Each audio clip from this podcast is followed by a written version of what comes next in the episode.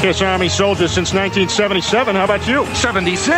I don't think anyone knows more about Kiss than I do. No, actually, I'm a plumber. I'm not sure I like the tone of your voice. Well, throw down if that's what you want. Name Gene Simmons' special effects mentor. Amazo the Magician. What high school did Paul Stanley go to? New York High School of Music. Paul and Gene's band before Kiss. Wicked Lester. What year did Kiss appear on the Jim Neighbors Halloween special? Quick question. It was Paul Lind and it was 1975. Now recite the magazine ad that brought Peter Chris to Paul and Gene's attention. Drummer willing to do anything to make it. Rolling Stone, October 1972. Except for rock and roll.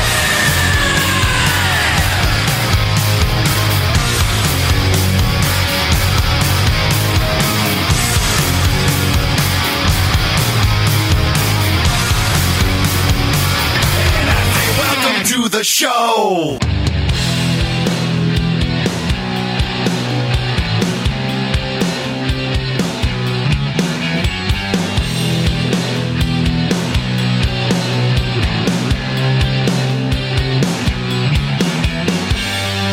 All the victims have turned to stone. No one is happy that are alone. I sacrifice my social position tonight. In New York, millionaires, lonely people with lonely stares. I'm not looking for love, but I'm lost in this night. In this naked city, there's a ten million stories. I'm not looking for pity. In this naked city, street vampires in the night, young lovers, love at first sight. This is my flesh and my fantasy. older women with younger men.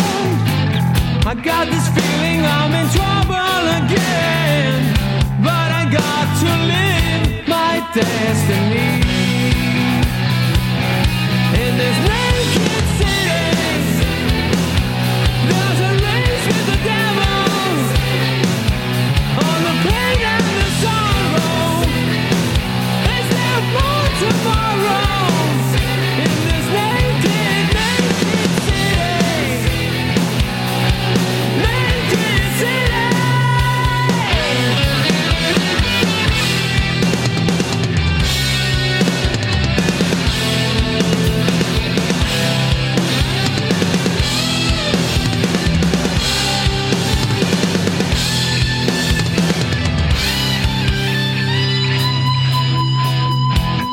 Lonely people looking for someone.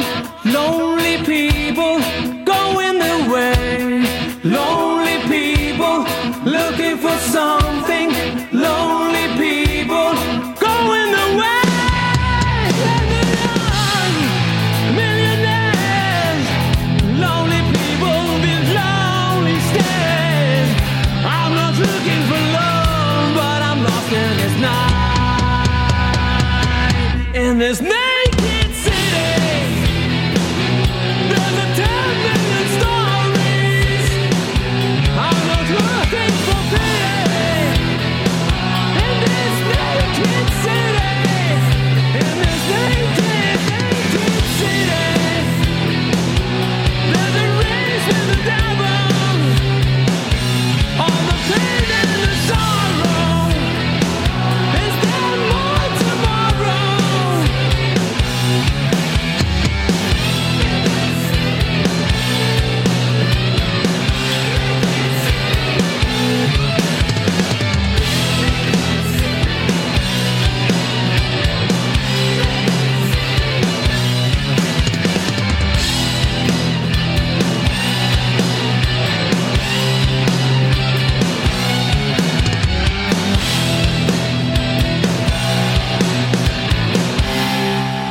Ha, held ég nú ágætis maður Tíðvæl er þetta hressandi Er það ekki? Já Þú þetta gott, maður. Hver eru þetta? Þetta voru við Já, akkurat Akkurat Shit. Æsses Aldrei glema því Nei. Nei En við byrjuðum uh, þennan þátt á þessu lægi og ekki að ástæðu lausu. Nei Þessi þáttur er uh, tilengaður Kiss Army Já, en nánar að því hérna rétt og eftir. akkurat Akkurat Akkurat. Akkurat sko Já, Nefnilega Ótrúlega mikið akkurat Þannig já.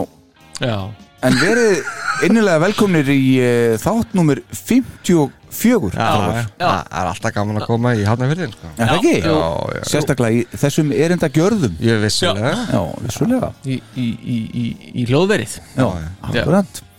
Hið Sér saumaða. Sér sem að Herðu, við skulum bara kynna okkur. Yes. Það sé ekki best að eh, ég byrji eða, eða hvað? Það er alltaf þannig allir Er það? já, já, já. Ég er Atli Hergjersson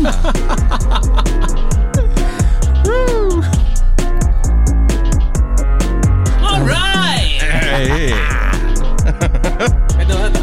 er ekki ekki Það er mjög gott Komum tíminn til ég fái aðeins svona smá inn í þetta Það kötta svo snemma sko En Það er mitt, Já einmitt það eru næsti Já, það er Linda Starbóður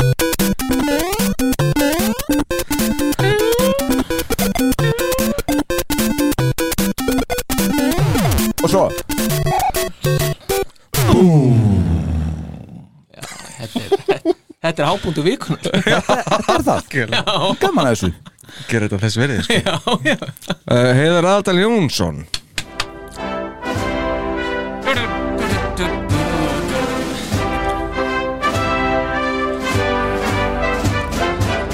Þetta er forsetin okkar Já, takk, takk Forseti Íslands Já, já, er það orðin þannig bara Já, í þessum þætti Já, já, já, já, já, Er það já, ekki? Jú, jú, Já, allan daginn einmitt. Kannski þetta verið spilað aftur í þessu þætti Já, ég hugsa það Þetta er- Já, ég geti Jó, stefnum að því Já, Stefnum já, að já. því. Það er mörg tilefni til þess og, og, og hérna, svo erum við hér í bóði Böðvarsir Búdvar Já, já. teknisku þjóðarinnar eins og hún leggur sig Al- Aldrei gleyma því aldrei og Reykjavels EHF akkurat aldrei gleyma því Nei, Nei. glemum því ekki Þarna, Aldrei. mjög gott jæja stráka mínir Já, já, Já, Skrítið að fara að leggja upp í þetta maður ha, já, á, þetta er, þetta er skemmtilegt þetta, vera, þetta er bara okkur annað level Já, en, einmitt en vissuðu það að, að, að þennan dag fyrir, fyrir hérna mm, nokkrum árum 45 árum Mhm. já, þá luku hérna Nokkur árum þá luku Kiss við, við Rock'n'Roll Over tónleikaverðina í Hampton í, í Virginia Já, já, já Vissu það? nei, ég vissi það uppsell Sjálfsögðu, Já, sjálfsögðu, já. og, og, og það er ekki til neitt svona vitrænt af þessum tónleikum en það er samt að sjá svona 8mm filmu eitthvað vídeo án hljóðs þannig að það Ah. er borgast ekki að spila Það mikið er hérna náttúrulega sko. geggja, sko já, færa þetta nær en svo í framhaldinu þá fóru þeir hérna í já, heyrist svona, já, um mitt hérna, uh, svo fóru þeir til Japans í framhaldinu Já. Hér, já. en svo nefnilega í svolítið skemmt Búdokan já, Já, já. þeir enduðu þar Já, já. já, já. A- hvað, annan apríl? var það ekki? Jú, mér minnir það. stýttist í hann Já, styttir, heldur betur, það er nú að verða bara eins og þjóðtjáttagur en, en 20 ára setna nefnilega síðan já, þá voru Kiss mættir á annan stað Hvað 7. sér, 97? 7. mars 97 þá voru þeir komni til Mexiko já, já, og þeir tóku nefnilega þrjú gig í, í þarinn hérna 7. til, til 9. já. Mexik, nei, Mars í Mexiko Mak, mak og það var það er, út svo viðförull Já, ég er óbúrslega rugglast allt Já, já, það er ég bara hvaða tungumál á ég að tala hérna, er inn, hérna er svona promo-vídeó Já. frá því erum við það? ef að lo- að Guð lofar já, Por primera vez en 17 años, Kiss, con su producción y miembros originales en México. El 7 y 8 de marzo, en el Palacio de los Deportes. Boletos disponibles en el sistema Ticketmaster o al 325-9000. Já, já, þarna var Já, þarna Eh, svoleiðis. Já, já, já, Presenterist El Kiss yes, og svo, svo voru þeir hérna áttunda bara örstuðt svona já, Hvað var nafna?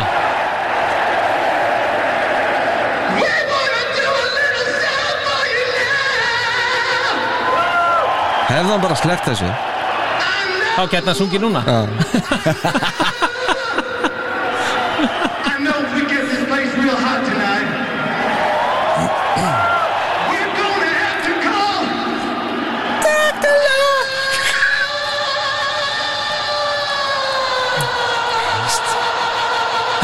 þetta er gott efni Þetta- svo- Það er svo gott að geta hlusta á þetta en það getur þetta ekki lengur Sko The Fire Call out the fire hans Já. Já, já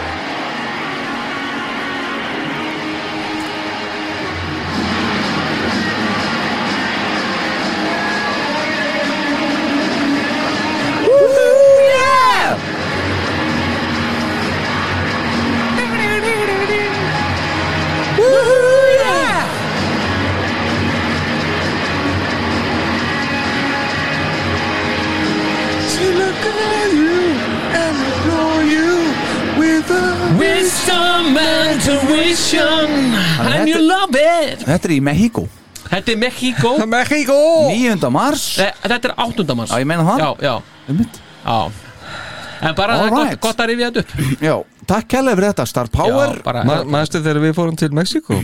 Nei, fyrir, fyrir ekki við Mexiko Bali Nei Við fórum til Nei, Mexico nei, reyndar já. Alveg rétt, nei, ég man það ekki Varstu, varstu lasin um borð Það var ég lasin um borð Það er agalegt að heyra þetta Iss, iss, iss. Já Hefðu ég, ég... hefðu maður ekki látt sér hafa þetta samt Nei, ekki, þú, það var ekki hægt Heldur virkilega, ég hafi, veist Bara eitthvað, æ, ég- ég er með smá hérna höfðverk Ég lá flatur, sko, gjössanlega Já, já, Mér finnst já. það gott en hann var komin á ról bara um kvöldi samt sko. Já, já, er það já, að því að bara, veist Það Og Þá, var búin- þá það var búin- þýðu öll að tala um Mexico og... Já, já, já Hann var búin að bara fá svo ógeð á að hlusta á djús þannig að hann bara þurft að fara út úr erbyggjur Já, hérna hér Þannig þú hefur verið þarna við strendur í Mexíkó? Já, já, ég Já, hef verið Mexico. þar. Ég hef verið veikur þar Hva- Það segir ekki, ekki allir státt að því Nei, alls ekki En samt ansi margir Já, hann er ekki svona veikur Nei, ekki svona, nei, nei, nei, Ekki, ekki heiðarlega flensa Ekki heiðarleg flensa, Nei, sko. rétt Herðu, áskulegu fara aðeins í halda áfram í punktónum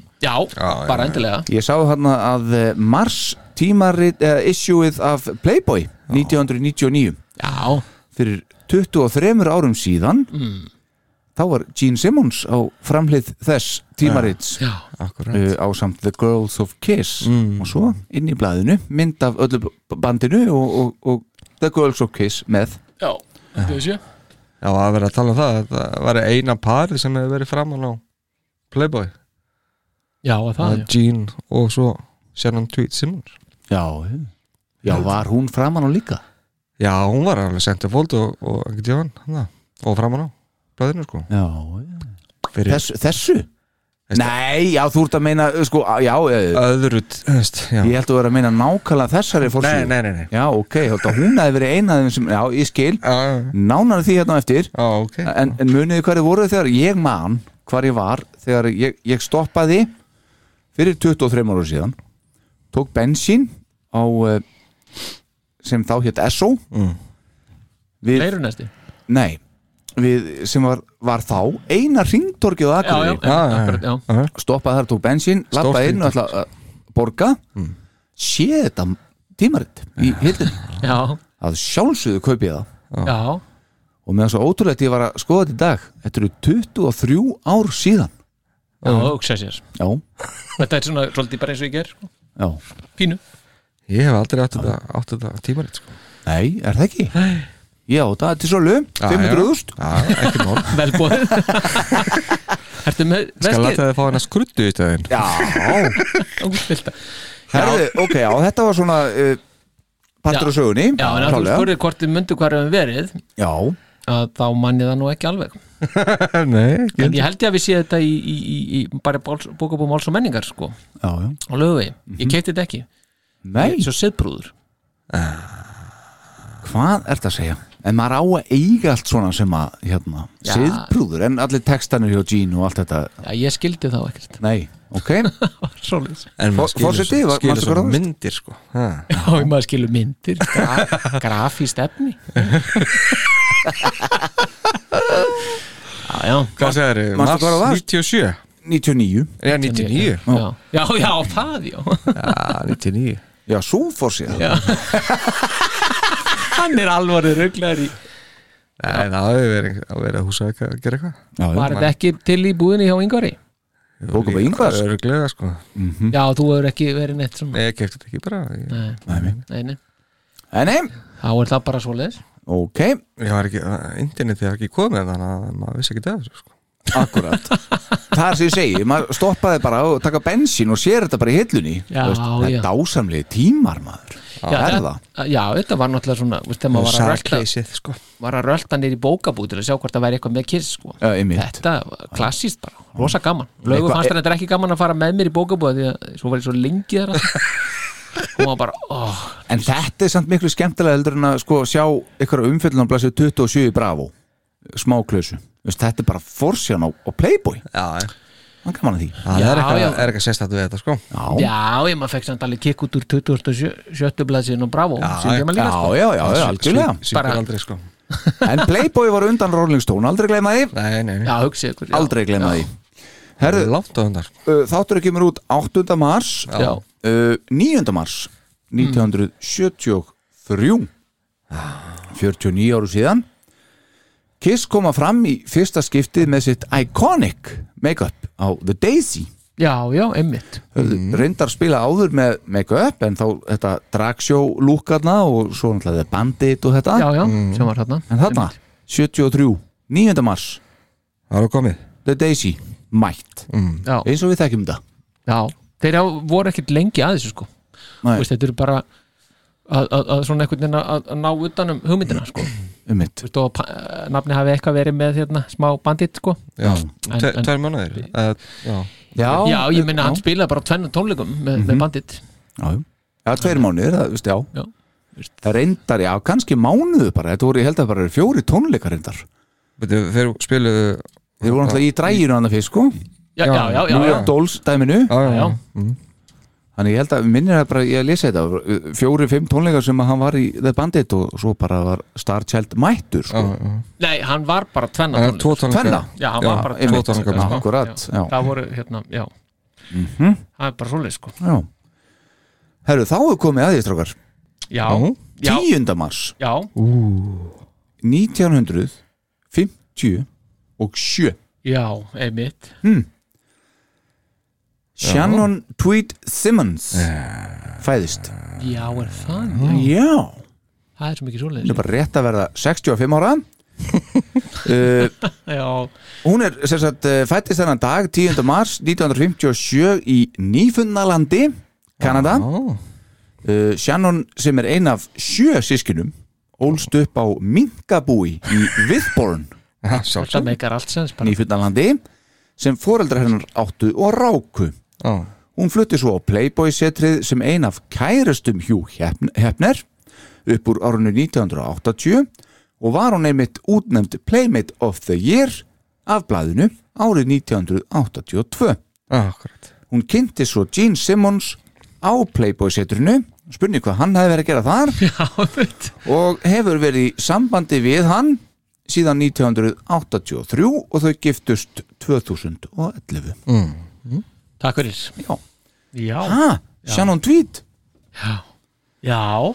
Þetta er, já, ég var nú ekki búin að átta með að hún væri frá nýfunnarland úr minkabúi á nýfunnarland Nei, það er svona það er hennar langur- bakgrunnur Hún Já. hefur hefur reisið ansi langt, sko Já, þetta er svona ekki alveg þetta er ekki beint á augum eins og- Nei, nei, nei, Ekki alveg hefbundi nei, nei. Nei, ég veit ekki, kannski er bara fullt af fólki í- að dætrum á minkabúmi nýfunnarlandi bara að fara til Las Vegas og eitthvað sko. Já, já. það veit það ekki sko. Og- Hver veit, Nei. og Kaliforni og hvað heitir allt saman hafið hitt Shannon Tweed Simmons Já, Nei, Nei, ég gert það hef ég hitt hana? Ég held ekki, sko Ég held bara, að það var ég og Jói sem að hittum hana Hérna, Var ég veikur? nei, líklega ekki Hi- Hittuð hann í Mexiko Já Þið voru með Gino og Shannon og með- Þetta var, með- þetta var bara fyrir, hérna, áður en að að kannski eftir að Sailaway Jói var á 2016 Já, þá var hann hann til hliðar og var alveg gríðarlega fersk á kantinum sko. Já, já, já, og við fengum allan að mynd með honum með henni já ok. Ég hitt hann líka á krúsinu Mjög- ég- hún var mjög skínandi á þeirri mynd sko. Já, er það ekki? Já. Jú. Já, þetta er Hún er náttúrulega gaman að þessu Áttu myndir aðeins með fleiri Playboy Playmate of the Year nei Nei Já, ok, þannig að það Aldrei er- gleyma því. það er nú eitthvað sko. Já, jú, það er það það er heil mikið bara Já, já. myndi ég segja. fá að sé nokkur maður síðan það er alltaf fína sko. Það Já, já, það tekur ekki samt titilina minni nei, nei, nei, af því ég er þið viti hvað er sagt um góð rauðvin já, já, Já, Ah, já, en eh, já, ég hitt hana líka á, á krúsinu mínu og hérna, hún var frábær já, hún var ótrúlega næs og, og Mjög ég man gaman. eftir að ég baði um mynd ég er búin að segja þetta áður, Jú, jú. en ég ætla að segja þetta aftur þegar að, eh, hún- ég baði um mynd oh, you, you guys are so nice you're too nice to me svo sagði hún við mig já. Já, já. já, ok, gaman að henni, en svo var líka svo gaman og ég er líka búin að segja áður, ég ætla samt að segja aftur ok að hún satt þarna einu, einni röð fyrir frama mig á þessum tónleikum í, á krúsinu, indoor sjóinu og það var svo gaman að hún var alltaf að, hún og hérna Sophie Já, og ykkur fleiri hérna voru svona að skemmta sér vel og, og voru svona alltaf eitthvað að standa upp og klappa og benda og Jean alltaf að horfa upp og benda á þær og þetta var svona, maður sá alveg að hann, var- sko, hann vissi alveg hvað þær voru já, já. það var svona fjölskyldu tengsl í gangi sko. Jú, jú. Þetta er svolítið öðruvísi, öðruvísi hérna, svona. Já, og á svona stað bara aftur, eins og ég hef sagt áður eins og sjallin akkurir, bara svona lítið já, já, sætt já, eitthvað já. sko. Þetta er bara, þetta er Já, bara já. sjálfinn sko. Ta talandi um krúsiðar, náttúrulega fór það í sölu í síðustu, síðustu hugu. Einmitt, já, Já, já, Það er alveg bara fullt af klefum eftir, ef við vilja. já, einmitt en nú erum við klálega allir inn á hérna þessari Kiss Cruisers síðu á Facebook Mhm. fyrir þá sem hafa farið eða- eða er að fara Voðalega getur fólk tuða það Ha? Þetta er eitt Já, já. mesta töð eh, síða eh, Facebooksins. Þetta er með ólíkindum já, það er bara Þetta fólk þarf bara að finna gleðin í hjarta sínu Já, Þa, það var líka eitt sko, hérna talandi um Facebook, það er hérna á einhverju Facebook síðu, Kiss Facebook síðu það sem eitt var að tala um um, svo ég tæki nú aðeins eh, fókusin af hérna krúsinu, en hann var að kvart yfir því að hérna á, á myndinni af Gene frá 76 munið þegar þeir eru hérna með það er svona, það er svona einhver glimmer á bakvið og svoleiðis, Já, já, svona, Mhm. þetta er svona, þetta promodót sko að, að, sku, að, að sko ljósið á, á, á hérna uh, hvað á ég segja, þessum, þessum svona fliksum sem eru hérna upp eftir hérna á skónum hans sem er svona dre- drega hérna minstrið, minstrið Já, að það væri í rauninni vittlust já, já, já. að það ætti sko að, að ljósið þetta varpast einhvern veginn öðruvísi á þessar, þessar hérna, bara ég get ekki muna hvað þetta heitir veist þetta, Scales, hvað þýr sko, það? já, já, Hvað er þetta? Hreistur? á, á, á hreistrið já, já, já. já þetta, þetta, þetta, þetta, þetta varpast öðruvísi á, á hreistrið sko og hann var svona að leggja til hvort það geti ekki verið að þyrfti bara að photoshoppa þetta þó að það væri kannski verið sko að, að þetta væri kannski daldið seint í rassingripið en hvort það væri ekki rétt að photoshoppa þetta sko til að hafa þetta rétt já, já. og hann er að hugsa bara hvað er líf þitt Já. þegar þetta er vanga Hvar og þú setur ertu? það á netið sko. Ég Hvar legg ertu til staddur, sko? að við gerum þáttum þetta Já, þetta, þetta er- Já, ég, bara ég til í það Já. Lesum allan þráðin Því hann er stór Það er skemmtileg ein svona, ein svona kiss í þeim þetta, sem er bara eiginlega vest í þessu það er, hún heitir When Já. Se- 70s Kiss Rule the world Já, þe- þetta var akkur Já, það hlaut að vera Það er, og svo er- setur ykkur mynd af ykkur sem er ekki alveg 70s og kemur bara Not 70s kiss já, já, Þetta er Það- dásan Þetta er mannskemmandi síðan sko. Stórkostlegt Herðu, þá höldum við áfram Já. og við ætlum að halda þess áfram í eh, Playboy setrinu Jú, hvað er þetta? vegna þess að 12. mars Já, 1958 ári síðar já, uh, munar þarna ári og tveimu dögum á, á, á Shannon Tweet og þessum degi já þá fæðist önnur Playboy kannina Þetta er hún Debra Akkurat, Já. þetta er Debra Jensen Títend Já, já, þetta er Býttu, Stráka mínir Ah. Ég líti að fá stef út á það Já, ég myndi nú halda það Hafið það Mjög vel gert jöður Ekki ekki, til- ekki til enda núna samt Nei, nei, nei, nei. bara Bara- aðeins. En hún var sérst uh, önnur eiginkunna Peter og, og fættist í Orange County, California Já, Eitthvað á sænskum ættum, við vitum það mm. og, og uh, hún náði samt bara upp í uh, Playmate uh, of the Month, month. sko. á, já Það var bara kona trómar hans Já, já, þetta er rétt, þetta er rétt og þetta var í janúar 78 Já, Já, Já. já, já, bara rétt áður en að þau voru að fara að knúsast saman já Það hefur verið 79 sko. Já. Sennilega. Já. Já, það var það Já, einmitt og Það spurning hvort að Pítur hefði síðan hann fyrst Hann er áskrifandi já, það Var hann ekki hlýtur á náttúrulega að vera. Playboy-setrinu? Nei, á blaðinu Nei, var hann ekki á setrinu, bara svo dýn Já, það geti verið Já, ég veit það ekki Nei. Var ekki, Ég maður var veit ekki göng á milli, var ekki talað um það Ég veit það Heima frá Gín og hann yfir Já, já Jöfullin það væri nú ekki ólíklegt sko. Turn it up live Já, Sem- þarna, já, þarna eru þau þarna kom það já Þarna eru þau Fossetti Út með þetta hann að luma hann á þessu Já, já, og dónakall ah, Herðu, já, já, stráka minni, ég er búin með mína punkta já en það má bara nefna með að Ís Freyli er á tónleikaferð núna um Bandaríkin. Já, helviti res já, bara hann er lítið hess í sokkunum sínum Já. og er að bálfa skónum. Putin og, og, og dásama Ukrænu og allt það hann er, er svona að taka þátt í hans í því en er að spila sem þess í New York og Pennsylvania hann er búin að vera að spila í er síðan að fara, að taka, fara til Ohio núna 11. og svo til Indiana og Kentucky og, og hann er bara í góðum gýr myndi ég segja sko ef, að, ef, að, hérna, ef við höfum ákveða bara svona rétt að heyra hvernig hann hljómar núna já, þá er hann hérna sko You know, it's rock and roll. Anyway, this is one of my favorite Kiss songs. It's called Dude.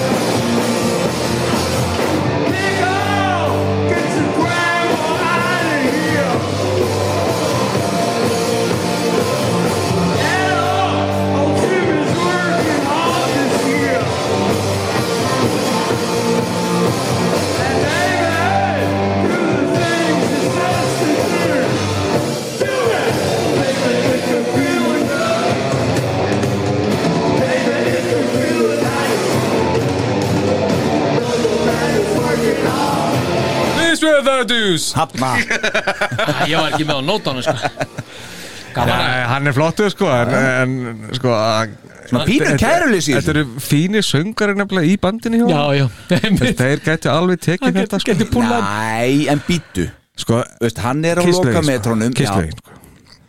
En af hverju? Þú ert að koma að sjá hérna Ace Frehley, þú vilt bara sjá hann syngja það. ég, ég er þar Aha, ok. Já, ég ga- bara gaman, hann tók neðri röddina þarna í, í, í Já, já, hann leit á eins og ég segi, svona pínu kæruleysi eh, Pínu mikið kæruleysi í þessu hjóðum Já, hann það er alveg- Já, ég, Þetta er gjörsanlega sekundari að vera að syngja sko. það, Ah, já, já, það er alltaf Já, já. Hann, hann rétt mundi eftir því bara þarna, maður er að horfa á þetta sko. Já, og fyrir þá, ég er búin að segja þetta áður líka þetta er allt endur tekið efnið hér í dag Já, það er mikið um það Já, fyrir þá sem er að fara á uh, Gothia Cup í uh, Svíþjóð í sumar, þá endar Gothia Cup uh, daginn áður en að Ace Frehley kemur fram í Gautaborg þannig að ég mæli með því að þeir hlustendur sem eiga börn að fara á þetta frábæra fótboltamót að tryggja sig með á Já, Ace Frehley spurning, spurning um að kaupa sér miða er ekki seltir áhörður Jú, jú. Það er að fara að starta einhverju hérna svona Góð fá- fjáröflun góð fangi Já Einmitt. Fyrir krakkana sko Já, já, sjálfsög Já, já, já. Herðu, já, já, nú uh, skulum við byrja þetta svolítið Eh, já, Já. pyramid. Uh, Guys, já. það er, við ætlum að byrja á bakgrunni Yes Númer eitt, Já, einmitt, það eru tveir í dag Já, Mikið af bakgrunnum opposlega mikið að bakgrunn Og ég ætla ekki að hafa neitt Nei, Í dag ætlar Star Power að eh, flytja okkur frumsamin bakgrunn Já. sin, sinn fyrsta, já, 75 mínútur 75 mínútur Og uh, svo aðeins síðar Þá ætlar forsetin að flytja sinn Já. Frumsamda 88, eða ekki Já, allavega Já, alltaf klukkutíma ef þú talar hratt Já. Þannig að eh, bakgrunnur í eh, flutningi Star Power Já, í, Er það ekki dét- í eitthvað? détur Eh, í Æ, hvað Þessi sérum? var góður að, vaxir, já. Détúr, já, já, hljóma vel Ok. við, skulum, við skulum heyra þetta já, Þetta er mjög spennandi, ég er mjög spenntur já Já. Kiss Army Iceland podcast kynir Bakgrunnur Ok, þannig rennum maður bara inn í þetta Starki fjölskyldan hlustað á rock og roll með opnum huga og þann 8. desember 1974 bauð fadirinn William Starkey starfsmæður hjá Columbia Records í Terra Haute í Indiana fylki í Bandaríkjónum sinni sínum hinnum 18 ára gamla Bill Starkey á tónleika með Kiss í Evansville í Indiana William bauð sininum svo aftur tæpum þremur vikum setna á Kiss tónleika í Indianapolis en þá var móðirinn Jane með í fyrr William hafði gefið Bill fyrstu plötu Kiss sem kom út í februar 1974 og á fyrir tónleikunum nöyð William þess að horfa á svonsinn opinmyndan fylgjast með félagunum í Kiss. Eftir tónleikana laumaði William svo að Bill að þessi hljónsitt, hún myndi ekki endast lengi. Þeir spila bara á tónleikum til seljenga plötur. Þetta kunni Bill Starkey ekki að meta því hann var ofur aðdáandi líkt og vinnur hans Jay Evans. Félagarnir kunnu heldur ekki að meta að vera stríkt í skólanum fyrir að vera kissaðdóðandur. Ef þeir eru svona góðir, af hverju eru þá ekki spilaðir í útvarpinu og eru glósur sem þeir fengu að heyra einum og oft? Þeir ákveða því að gera eitthvað í málunum og í janúar 1975 hófuður að setja sig í samband við útarstöðuna 2.5 Vaff TS sem var lokal útarstöð í Herra- Terri Hóti. Tilgangurinn var að fá Closet Kiss spilaða í útvarpinu. Fyrir okkur snýrist þetta alltaf um tónlistina, ekki um búningana, make-upið eða nokkuð annar.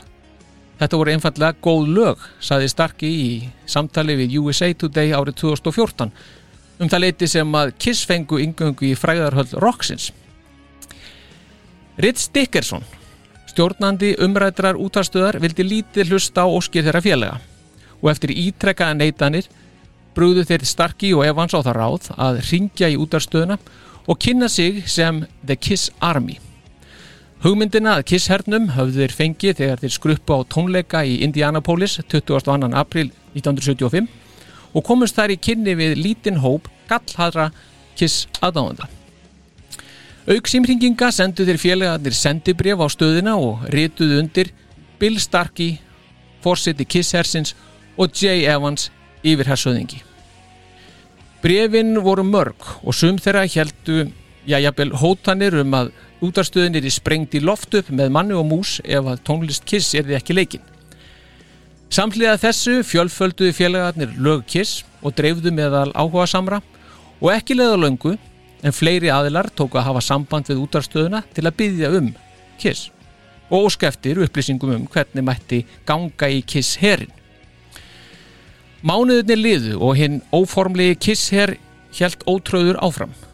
Þáttastjórnandur á 28 VAFTS útarstöðinni tóku beðnum liðsmanna miðsvel og stundum gerði þeir grín, góðlarlegt grín, með því að spila kiss sent á kvöldin á tímum þar sem fáir hlustuðu eða þeir leku tónlistkiss en kynntu hljómsveitina inn með raungum hætti. Starkey og Evans til mikil sama letu þeir félagar óanæðu sína í ljós á sama tíma og brefin streymdi í stríðum ströymum innum lúu útastöðarinnar. En hausti 1975 varð vendipunktur í baráttunni þegar að Kiss kynntu tónleika í Terri Hóti. Ritz Dickerson útastjóri sá sæng sína útbreyta og ákvaða að leggjast á sveif með Kisshernum. Útarstöðin tók að spila Kiss og keir upp auglýsingar og kynningu á fyrirhugum Kiss-tónleikum í Hullman Civic Center í Terri Hóti sem halda átti í þann eh, 21. november 1975. Til viðbótar var lestur á The Kiss Army Letter of, day, of the Day, fastur passi í dagskráni klukkan 5 síðdegis síðustu tvær vikurnar fyrir tónleikana. Þessar aðgerðir báru sannarlega árangur og miðar á tónleikana runnu út eins og heitar lumur. Miðasala vakti aðtikli innan her- herbúða Kiss og haftar samband við útastöðuna þar sem umsvegarlaust var bent á fulltrúa Kiss Army Bill Starkey í síma 446 3379. Starkey hafði haft hugmyndur um að stopna aðdándaklúb Kiss á landsvísu sem hefði höfustöðar í Terra Hóti og 11 dögum fyrir tónleikana eða þann 11. november 1975 á 19 ára ammælistegi Starkey barst honum bréf frá Alan Miller hjá Rocksteady Management þess efnis að Kiss hlakkaði til formlegar stopnunar aðdáðandar klúpsins Kiss Army sem myndi hafa höfustöðvar í Terri Hóti og fórsetan Bill Starkey við stjórnvölin Kiss Army var því formlegur aðdáðandaklúpur Kiss á landsvísu og Bill Starkey fósetti var mættur á flugvellin þegar Kiss kom í bæinn þann 20. november þetta ár. Niðurstöða alls þessa var svo að allir miðar á tónleikana eða 10.244 seldust upp og hjó aðsóknin nærri húsmeti Hulman Civic Center sem Elvis Presley hafði sett í júli árið 1975. Kiss voru að vonum ánæður með sinn mann Bill Starkey og var hann kallaður upp á svið og heiðraður á tónleikonum. Fekk hann áletraðan skjöld Kiss Honorary Member. Eftir tónleikana fór Bill með Kiss út að borða og morgunin eftir átt hann morgunmatt með þeim félugum á hótelinu. 21. november 1975, það er dagurinn sem Kiss lék fyrst í terrarhóti, er sagður vera stoppdagur Kiss Army og þar með er klúburinn ö, og þar með var klúburinn orðin formlegur aðdándar klúbur Kiss já, já, og þar sem klúburinn var orðin formlegur aðdándar klúbur Kiss bað Billa Coyne Howard Marks það er fyrirtækið sem sá um auglýsing og kynningamál Kiss á þeim tíma að hanna logo fyrir klúbin Þeir Dennis Wallock sem í mörg ár var listrætt stjórnandi Kiss og Vincent Di Gelardo eh, innanbúðamaður hjá Howard Marks sáu um þetta verkefni. Sannlega var nafni hjá Vincent ekki alveg rétt lesið. Gerlando Já, en þarna undir lok árs 1975 skipaði Starkey heiður sessjó Kiss. Hann fekk baksviðspassa, aðgangað piltónum, satt með þeim til borðs, borðaði, spjallaði og hafði gaman. Hann var fórseti Kiss Army og höfðustöðarnar í terrahóti. Hlutirnir þeir litu svo sannarlega vel út. En Adam var ekki lengi í paradís. Aukin velgengni Kiss og stækkun Kiss Army var til þess að fljótlega var vilji til þess að marka skýrari umgjörð utan um klúpin. Dramatíska breytingar voru gerðar eftir örf á mánuði eða þegar að Destroyer kom út 15. mars 1976. En plötunni fylgdu skráningablöð í klúpin.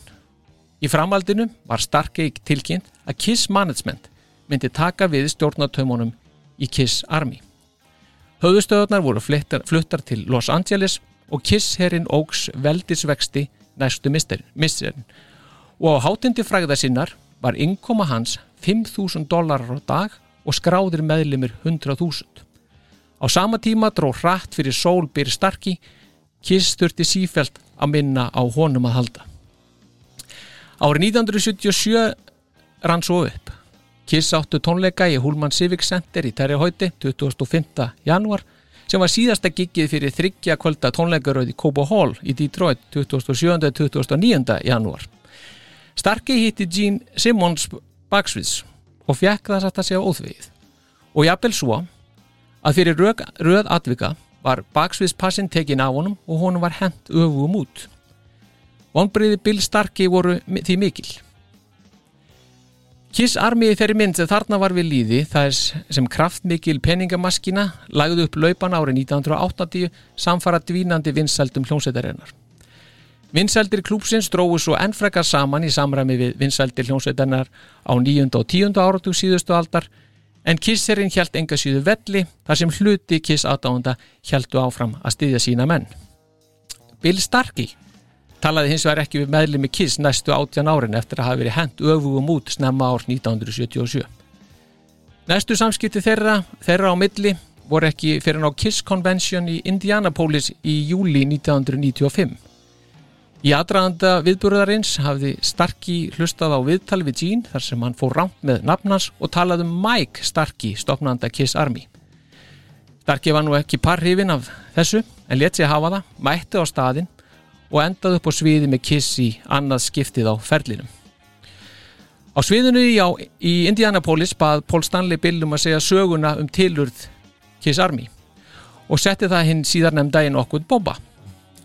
Máli var nefnilega að meðlimi Kiss og þá engum Gene voru hrifnar af þeirri útgáfu sögunar að liðsmenn Kiss Army hefði árið 1975 umkringt útvarstöðuna 12 VFTS og skapað umsáturs ástand og neitt starfsmenn stöðverna til samstarfs.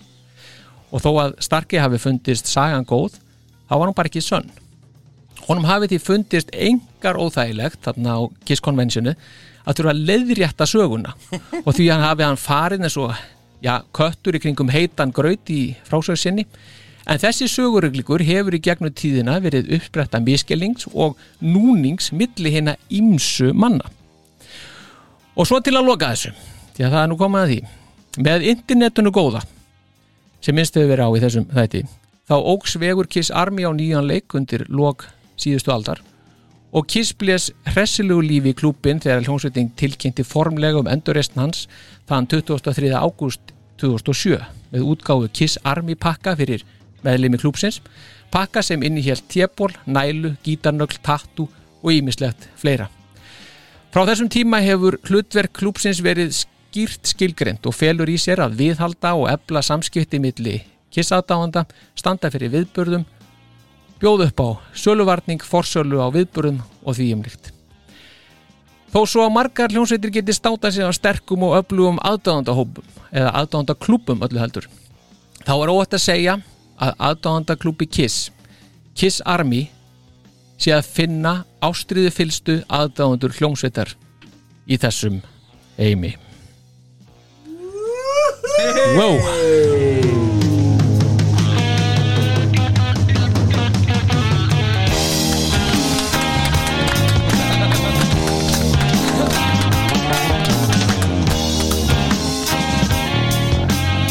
Hald ég, Aldrei. Þetta var Takk fyrir glæsilegt það. maður. þetta kom nú ímislegt fram Já, Já, ha, Þetta er mjög merkileg saga hún er nefnilega mjög merkileg. Já, og uh, fyrir þá sem að hafa sorgleg Já, Hún er pínu margar sorgleg. nátt. Já, að- að miklu leiti er hún það Mm. Já. Mhm. og fyrir þá sem að ekki hafa fattað það og jafnvel ekki lesið lýsinguna á þessum þætti þá ætlum við að fjalla um Kiss Army hérna í dag Mm. Já, þennan eh, frábæra aðdanda hóp, aðdanda klúb aðdáðandaklúpi, já. þessara hljónsveitara Kiss og það sem meira er við ætlum að heyra í Bill Starkey Herra Bill stopnanda, Starkey. Já. stopnanda Kiss Army árið 1975 Já. í Terry Holt Já. 21. júni, nei, november þetta er náttúrulega Já. þetta er, þetta er merkist uh, stundi í þessum þætti hér Mm. Þetta er bara, þetta er fórsetinn þetta er Þetta, forseti já, þetta er fórsetin þetta er forseti, forseti hana Já, já, já. ég er bara undir fórseti já, þú, já, þú dettur aðeins niður í va- svona, já, ég var að fórseta út bara kettlíkur hérna Gökkunni röðin í orðin Eitthvað svona, skrítið Hún er mjög, ég veit ekki hvað ég er orðin þá í þessu höllu saman En hann allavega uh, þegar ég hafa samfættuð hann Já. hann var verulega upp með sér með þetta já, og hérna og, og mjög til í þetta já, það er Mhm. og frábært bara rétt uh, við höfum kannski svona 20 mínútur til þess að aðeins að ræða uh, já, svona, já, Bill Starkey og, og svona Kiss Army eins og kemum fyrir okkur áður en við bara heyrum í honum og fáum þetta allt á hreint það er nú alls konar hluti sem þú komst inn og sem að ég er með öðru í sí já, akkurat, sem að, en við erum fara að heyri hún við bara spurjum hann já, þa það er beauty í því sko, fyrsta við þetta er að þú segir þessi fættur 56, ég held að þessi fættur 57 ég veit ekkert það En hann ég, allan að- ég sagði ekkert að hann fættir í- já, 19 ára, já Já, það er bara með hvernig þú sagði hvað verður gamall já, ní- já, 50 ára, já, ég var einhvern veginn búin að finna út af því Já, ok, þetta er 56 eða 7 hann ætla hann á já. ammali 10. november ég veit já, það hann- já, en svo kom fram Já, og er sem sagt uh, að verða þá uh, 50, uh, nei, 65 eða 6 uh, núna já, í Mhm. november þetta er mjög spennandi heitir William R. Starkey ég veit Já. ekkert hvað þetta R er Það er náttúrulega fyrsta spurning sko. já, já, og, en kallaður Bill Starkey eða jafnvel bara Starkey vinur hans kallar hann Starkey Já. hann er barnaskólakennari í uh, Terry Hout það sem hann í segjum að Terra Hot ég vissi Terry ekkert- Hout, já, Já, ég vissi ekkert hvernig þú Þetta er 60.000, r- rétt rúmlega Hoyt. 60.000 manna borg í Indianapolis uh, já, í Indiana fyrir ekki við og Indiana næsta, fylki, já. já. og næsta stóra borg er Indianapolis já, og uh, hans er að stopnar Kiss Army hérna átján, 19 ára gamall mhm og þetta er svo skemmtilega að segja og þú kemur inn á þetta í húslestrinu þínum starfháður mm að pappas var að vinna hjá Columbia Records Akkurat, og 90% af öllum pressum í bandarækjunum voru pressaðar í Terry Hout æmitt, akkurat þar sem að pappans vann já. og pappans vann við sölu Mara er með, með nokkrar hérna, kissblötu sem eru pressaðir til Já. hát Það er það? Já, já, já. geggjað Og- var og- pressing plank nummer 56 það er, það, þetta er, ro- hún voru að segja hann frá þessu og pappans kom heim með heitustu blötunar Já. og svo kemur hann heim með kiss og hann, hann segir þetta selst ekki neitt Nei. þannig endilega hérna, tjekka það á þessu og hérna og hann var svona heitlaður af þessu Já. Hann var þannig blað já, Og- Smittind og þeir þarna félagarnir sko já, og þannig að þeir voru bara til í að berjast fyrir þessu sko Já.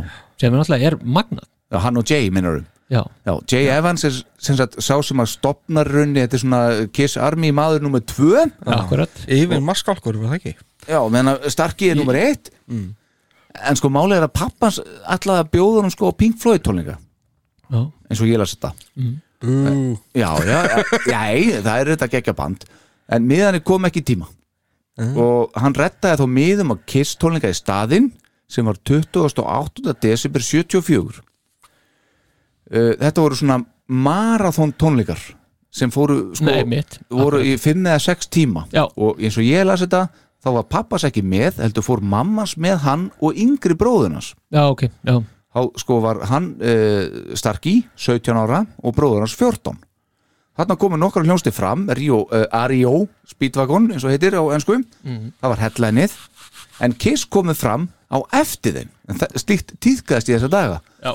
að sko headlineið, það Ah. var ekkit endilega síðast já og þá voru bara margir farnir eins og hann sagði í viðtalið sem ég las við hann það var svona cirka úr 10.000 manns á staðnum mm. nýri svona 2.000 Já. að hann gískaði En þeir voru líka ekki að mæta fyrir kluk klukkan hálf eitt Þarna, á svið á svið já, já, kiss sko já, já, ok kom eitthvað eitthvað breyk hann í þetta, þetta byrjaði klukkan 5 einmitt svo datt þetta eitthvað niður og eitthvað og röss held ég að hafi ekki mætt og eitthvað svoleiðis þannig að þetta fór held ég svona á skjön En Russ, jú, jú, þeir mættu og ok, það var Þeir voru- eitthvað, eitthvað, eitthvað band sem hann mætti talar um sérstaklega um það sko, geti lí og allt þetta sko, hvað hann Mm. var ánað með þetta en hann er svo ánað með sko, mamma svo svona, já, ég hef ekki að koma hann bara, nei, við erum hérna til þess að kiss þeir eru eftir Já. og hún var alltaf svona stóð og stytta við hann og, og síðar meir líka þegar að fólk muni þegar að hérna e, þessi klúpar fóru að koma upp hann sko Mothers Against Kiss og allt þetta já, sko já,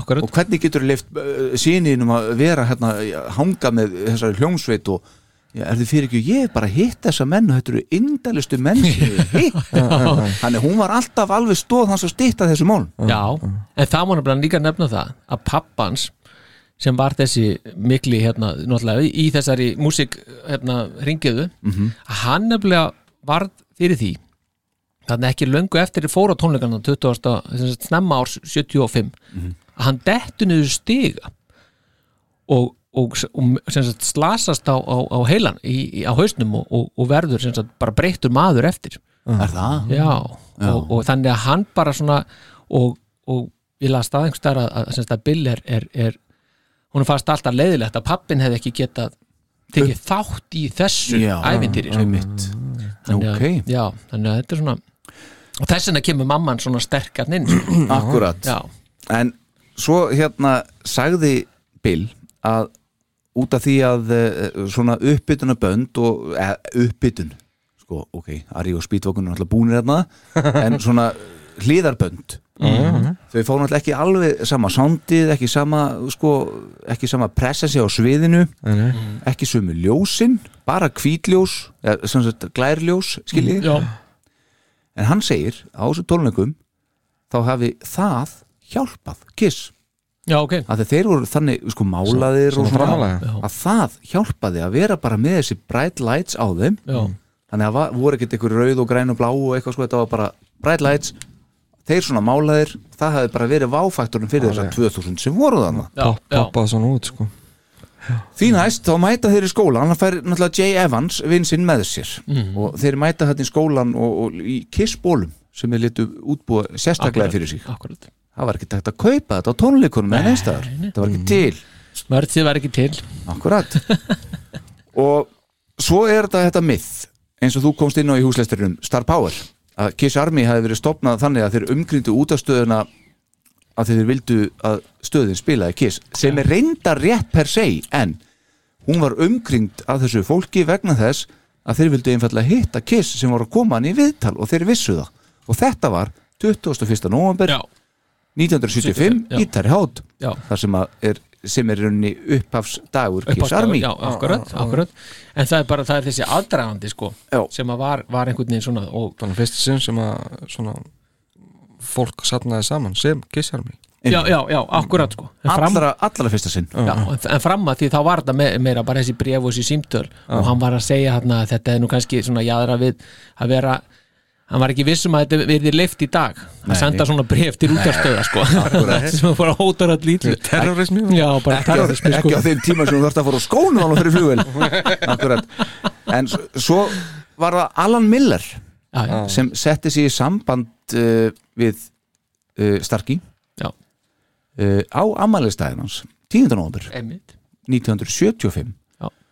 og hann sem sagt eh, vinnur hættan fyrir Kiss og vildi styðja við Kiss Army eins og komst inn á það var einhver gríðaleg sala í gangi þannig í Tarri Hátt alveg, bara allt á fullu uh, ok hvað getur þú smala mörgum á flugvöllin Já, var spurningin og hvað á ég að senda mikið af málingu til ykkar þannig að allir geta verið málaðir og geti mætt í leðri já, af því að það verða, verða ljósmyndarar af því að þarna ætluðu menn að fara að gera eitthvað mat úr þessu það, er eitthvað, Mm, Algjörlega. það er eitthvað í gangi þar í hát teikum þetta Mm. það er það sem er í gangi já, já, og getið þið gert fána, Kiss Army fána eitthvað banner sem þeir gerðu já og eh, Þeir J. gerðu- J. Evans- J. Evans gerði já, og þeir gerðu líka fána með hérna, sem stendur á eitthvað svona hérna, 2.5 FTS radio, eitthvað Welcomes Kiss eða eitthvað þannig, sko já, já, sem maður alltaf aldrei gekkja líka sko, svona við, ef maður horfið nokkra mánu hérna, aftur, aftur á bak en það sem mér finnst líka áhugavert það er það,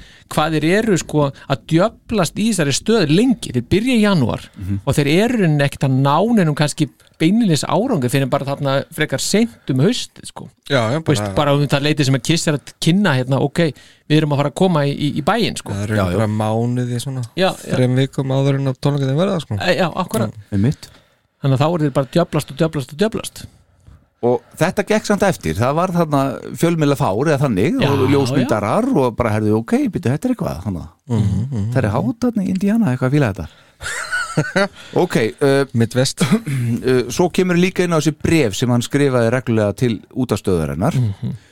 og svona pínu reyðipóstar ekki einu reyðipóstarinn sem koma við sögu í dag en hann vildi semst að Kiss eru spilaðir og þetta var semst kallað hérna The Kiss Army Letter of the Day já, já, í útarpinu akkurat og lesið upp í útarpinu og svo náttúrulega var þeim strýtt á því að, að hérna að þeir spiluðu annarkvort uh, Love Theme from Kiss eða, eða spiluðu kannski ströttir á þess að kynna það já, já, það, það var Varstu að reyna á akkurat, milli? sko. já, já, það var svona Bastards eða ki- kynnti það með vitlusum hætti Já. Já. En svo allt í einu fekk hann þær fréttir að Kiss og Bill Coyne Management hefðu hýrt af honum og vildi hitt hann. Já, já. Hvernig haldið það svo tilfinning hafi Já, verið hún er fyrir örugglega verið- 18 ára gæja? Allt í lægi sko. eða hún hefur örugglega verið já, daldið sérstök Já. Það er nefnilega heila málið. og það, það, það er svo merkilt sko, hvað gaurin er ungur sko. Já, og hann er bara ekki allir Hann er komin bara- í þetta bara krakki. já, þetta er bara Þú ekki Veist, það er mynd á honum í umslæðinu, inn í umslæðinu á Kiss Originals sem kom út 76 og Kiss voru að fljú honum á tónleika sína sko viðsvegar og, já, já, til dæmis á New Year's Eve tónleikana 75 hann var með þeim í sundlöðapartí og meðan að Akkúrat. sko, Peter var að synda og Gina fyrt í kellingunum þá var sko hérna hann meina- í viðtali á Rolling Stone sko hann, hann sundlöðapartí var bara komin í insta ring sko. það er bara svoleiðis það er bara svoleiðis og lifa drauminn sinn í rauninni sko Já, Mm. já. þessi barnaskóla kennar í dag Já. já, sem- magnað já, maður hefur verið til í að hafa þennan sem, veit, að kenna landafræði sko, í Östubæðaskóla heldur betur maður bara eitthvað, já, varst þú Mannkynssöguna já, en eftir þetta þessa New Year's Eve tónleika sem var hérna um áramöndin 75-76 kemur hann heim í janúar hann er flóið heim aftur og, og hann kemur heim og uh, svona ríki er að setjast og hann svona kemst aðeins á jörðina líður ykkur tími í mars já, 1976 þá fekk hann símdal Já. frá fyrirtæki sem var að vinna fyrir Kiss Company og honum var sagt að þau myndu sennilega bara taka yfir Kiss Army en þau vildu samt vinna það með honum sem gekk ekki eftir og hann í rauninni misti þetta bara úr höndunum á sér Já, þetta sökum bara- ungs aldurs og reynslu leysis já, já, bara svona, hún bara sólin, sólin það bara dró fyrir sólina hjá hún, svona smá, smátt og smátt sko. Já. og þeir sá bara að þeir þurfti ekki dánum að halda þetta það- seldi sér allt saman sjálft sko. Já, og þarna var hann búin að fara í bíltúr með Bill Coyne akkurat, í limósíum þar sem að þeir tóku bíltúr og hann sagði mörgum árum síðar hann starki í viðtali sínlas að hann fattaði ekki fyrir svo löngu síðar að þetta var atvinnu viðtal já hann bara fattaði ekki mm. Semst, hann hefði geta sko, spila allt öðri sér úr hlutunum Já, Hefði hann vitað ef það hann fattar þetta Já. og svo þessi spurning sem að situr hans í honum how would you treat a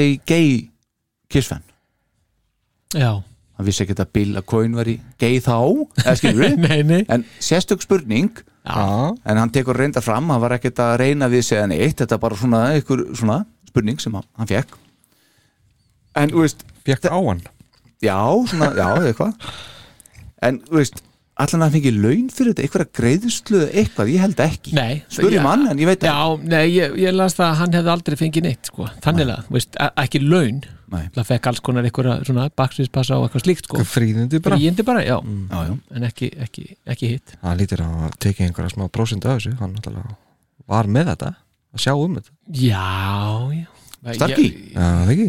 ég held nefnilega ekki, sko ég held Nei, ég- nefnilega ég- alls ég ekki veit- Já, kannski, já, má skatturinn ekki vita það kannski svo er það það, Það er örugglega hann er bara fínt, ekki áhersun en svo er náttúrulega hérna uh, 78 þá er henni síður allt uppur 78 já, Já, ég já, ég er með 77 sko já hann segir enda sjálfur, já þetta var 77, 78 Já, já, ok en þá var hann búinn að segja áður sko hérna að með að við sko hvað voru mörg ár það sem var að tala um mm.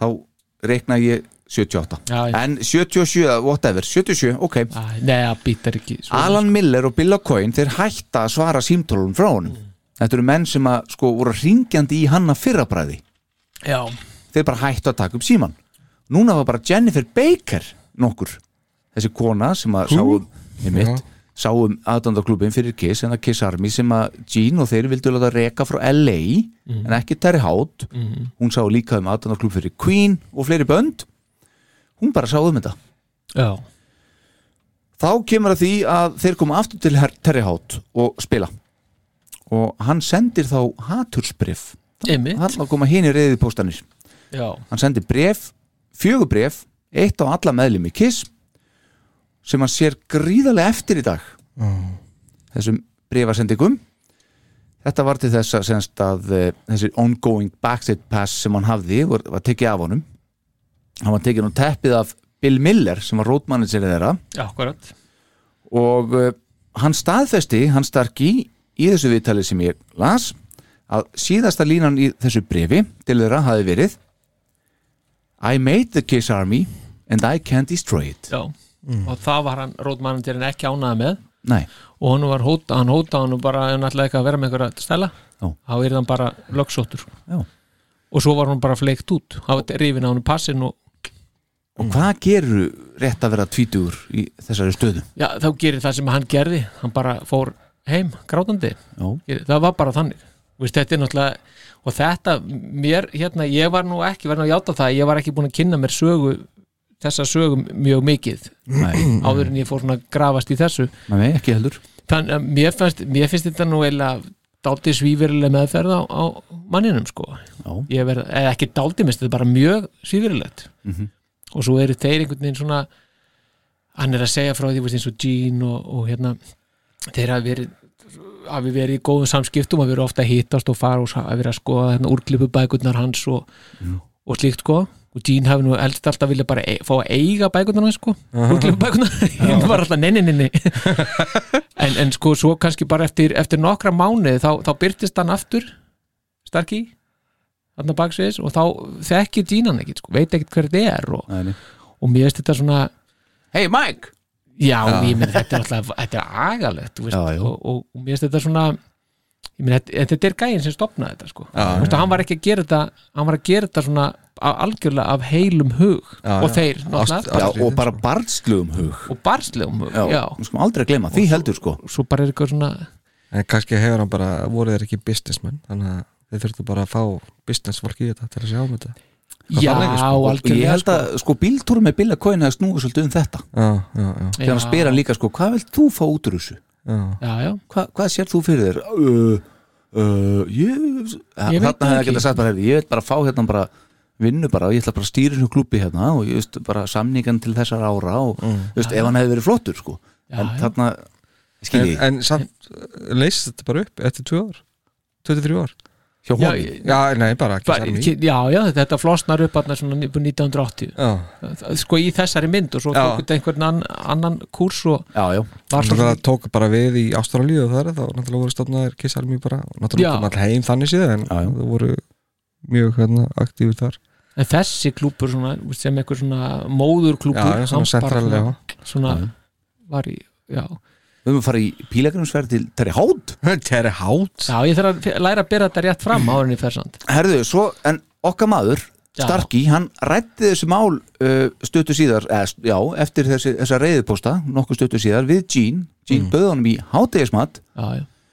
og uh, þá ítrekkaði Gene það að hann vildi bara kissa armi, þetta bara reki frá LA Já, já. en ekki Terry Hout Mm. Já, já. sem er kannski eðlilegt svo bara líður tíminn og uh, til að fara aðeins hratt yfir þetta tíminn líður Mm. og hann mentar sig sem kennari uh, hann er alltaf kiss aðdáðandi og það fer aldrei úr honum skilur Nei, nei. bara hluti af hans lífi Sýtur alltaf í honum Örugglega. sko, Þannig að en svo kviknar áhugans aftur þarna þegar Revenge kemur út Já. þá er eitthvað sem segir við hann að uh, hefur, ertu búin að hlusta á Revenge nei, tjekka á því Mhm. Já. og það var það sem að sem sagt, eh, kveikti hjá honum áhugan upp á nýtt já, og þá svona byrjar þessi umræða aftur með Kiss Army og þetta svona fyrir að verði eitthvað aftur og, og hann segir að hann byrja að skamma sín pínu svona orðin fullorinn maður hvernig hann misti þetta svona frá sér og úr höndunum á sér sem ungur og vittlus eitthvað neginn, bara hvernig þetta var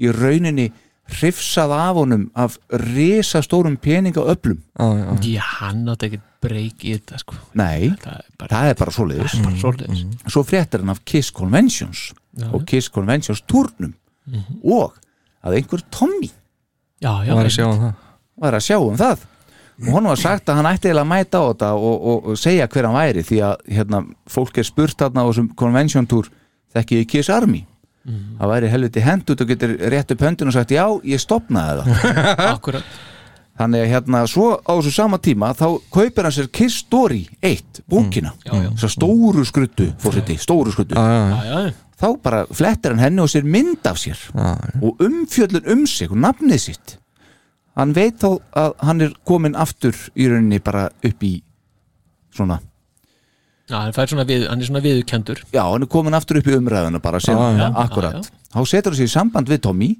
sem bauð hann þá að koma og, og sjá þá spila á, á konvensjartúrnum Mhm. og Tommy fannst einmitt alveg geggjað hver hann væri og sagan hans Mm. já, já, og tengdi við þetta sem sjálfur kiss aðdáðandi já, já, akkurat Svo Tommy, hann kynir hann fyrir Kiss og það eru auðvitað fagnaðar fundir, þannig Hver er þú eiginlega?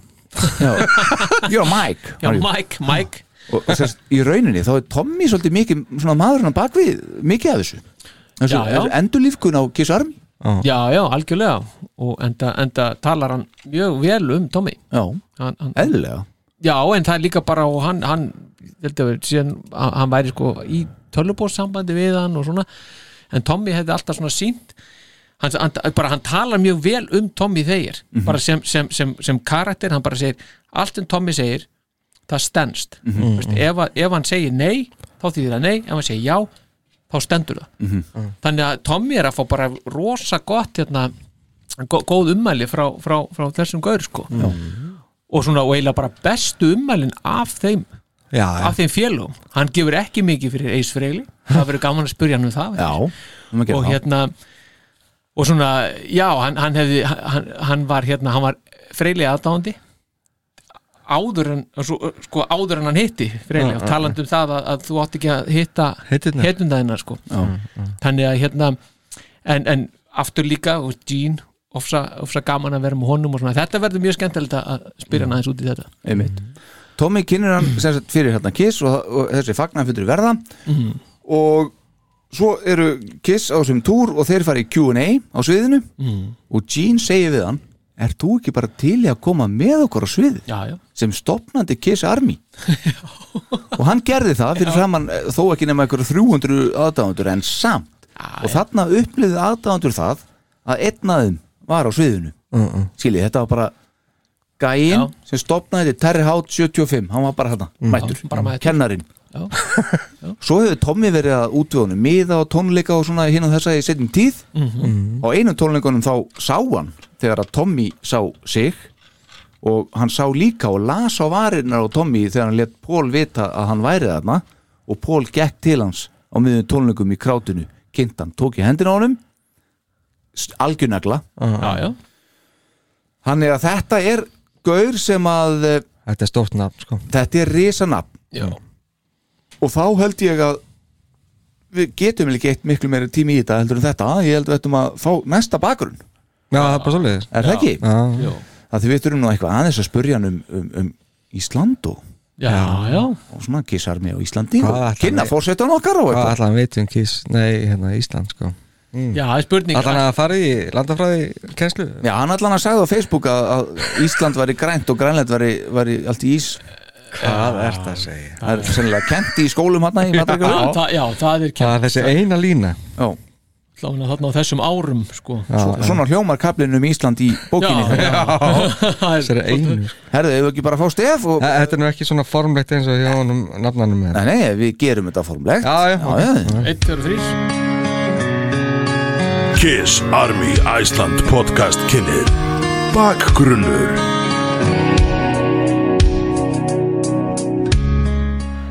Já, minnið er nú ekki alveg eh, eins og best er að kosið akkur núna en það eru orð, liðin tæp tíu ár síðan að Kiss Army Æsland var stofnað svona formlega ef að svo má kallast Eh, það Þráin Orni Baldvísson geturleikari í Skalmandar á fleira og ég settum á fót fjersbókasíðu nokkrum mánuðum áður en klubburinn var stofnaður formulega Svona aðalega í þeim tilgangi að setja út neti og sjá hvernig yrði tekið í þetta, hvort að það ættum að vera að stopna þetta og gera eitthvað í úr þessu.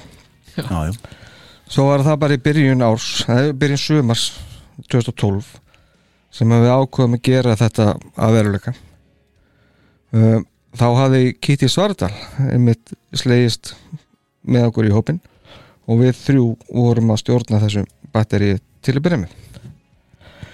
Uh, Fréttablaði frétti að þessu og byrti grein um stofnum klubsins þann 13. júni 2012 og þar var viðtal við þráin og mynda af okkur þreymur gríðalega fællið um, þá eru um það byrjum 200 manns búin að skrá sig í klubin þannig að og þá vorum við að að fara að fullt að, að gera skirtinni og bóli og svoleiðst út mm -hmm.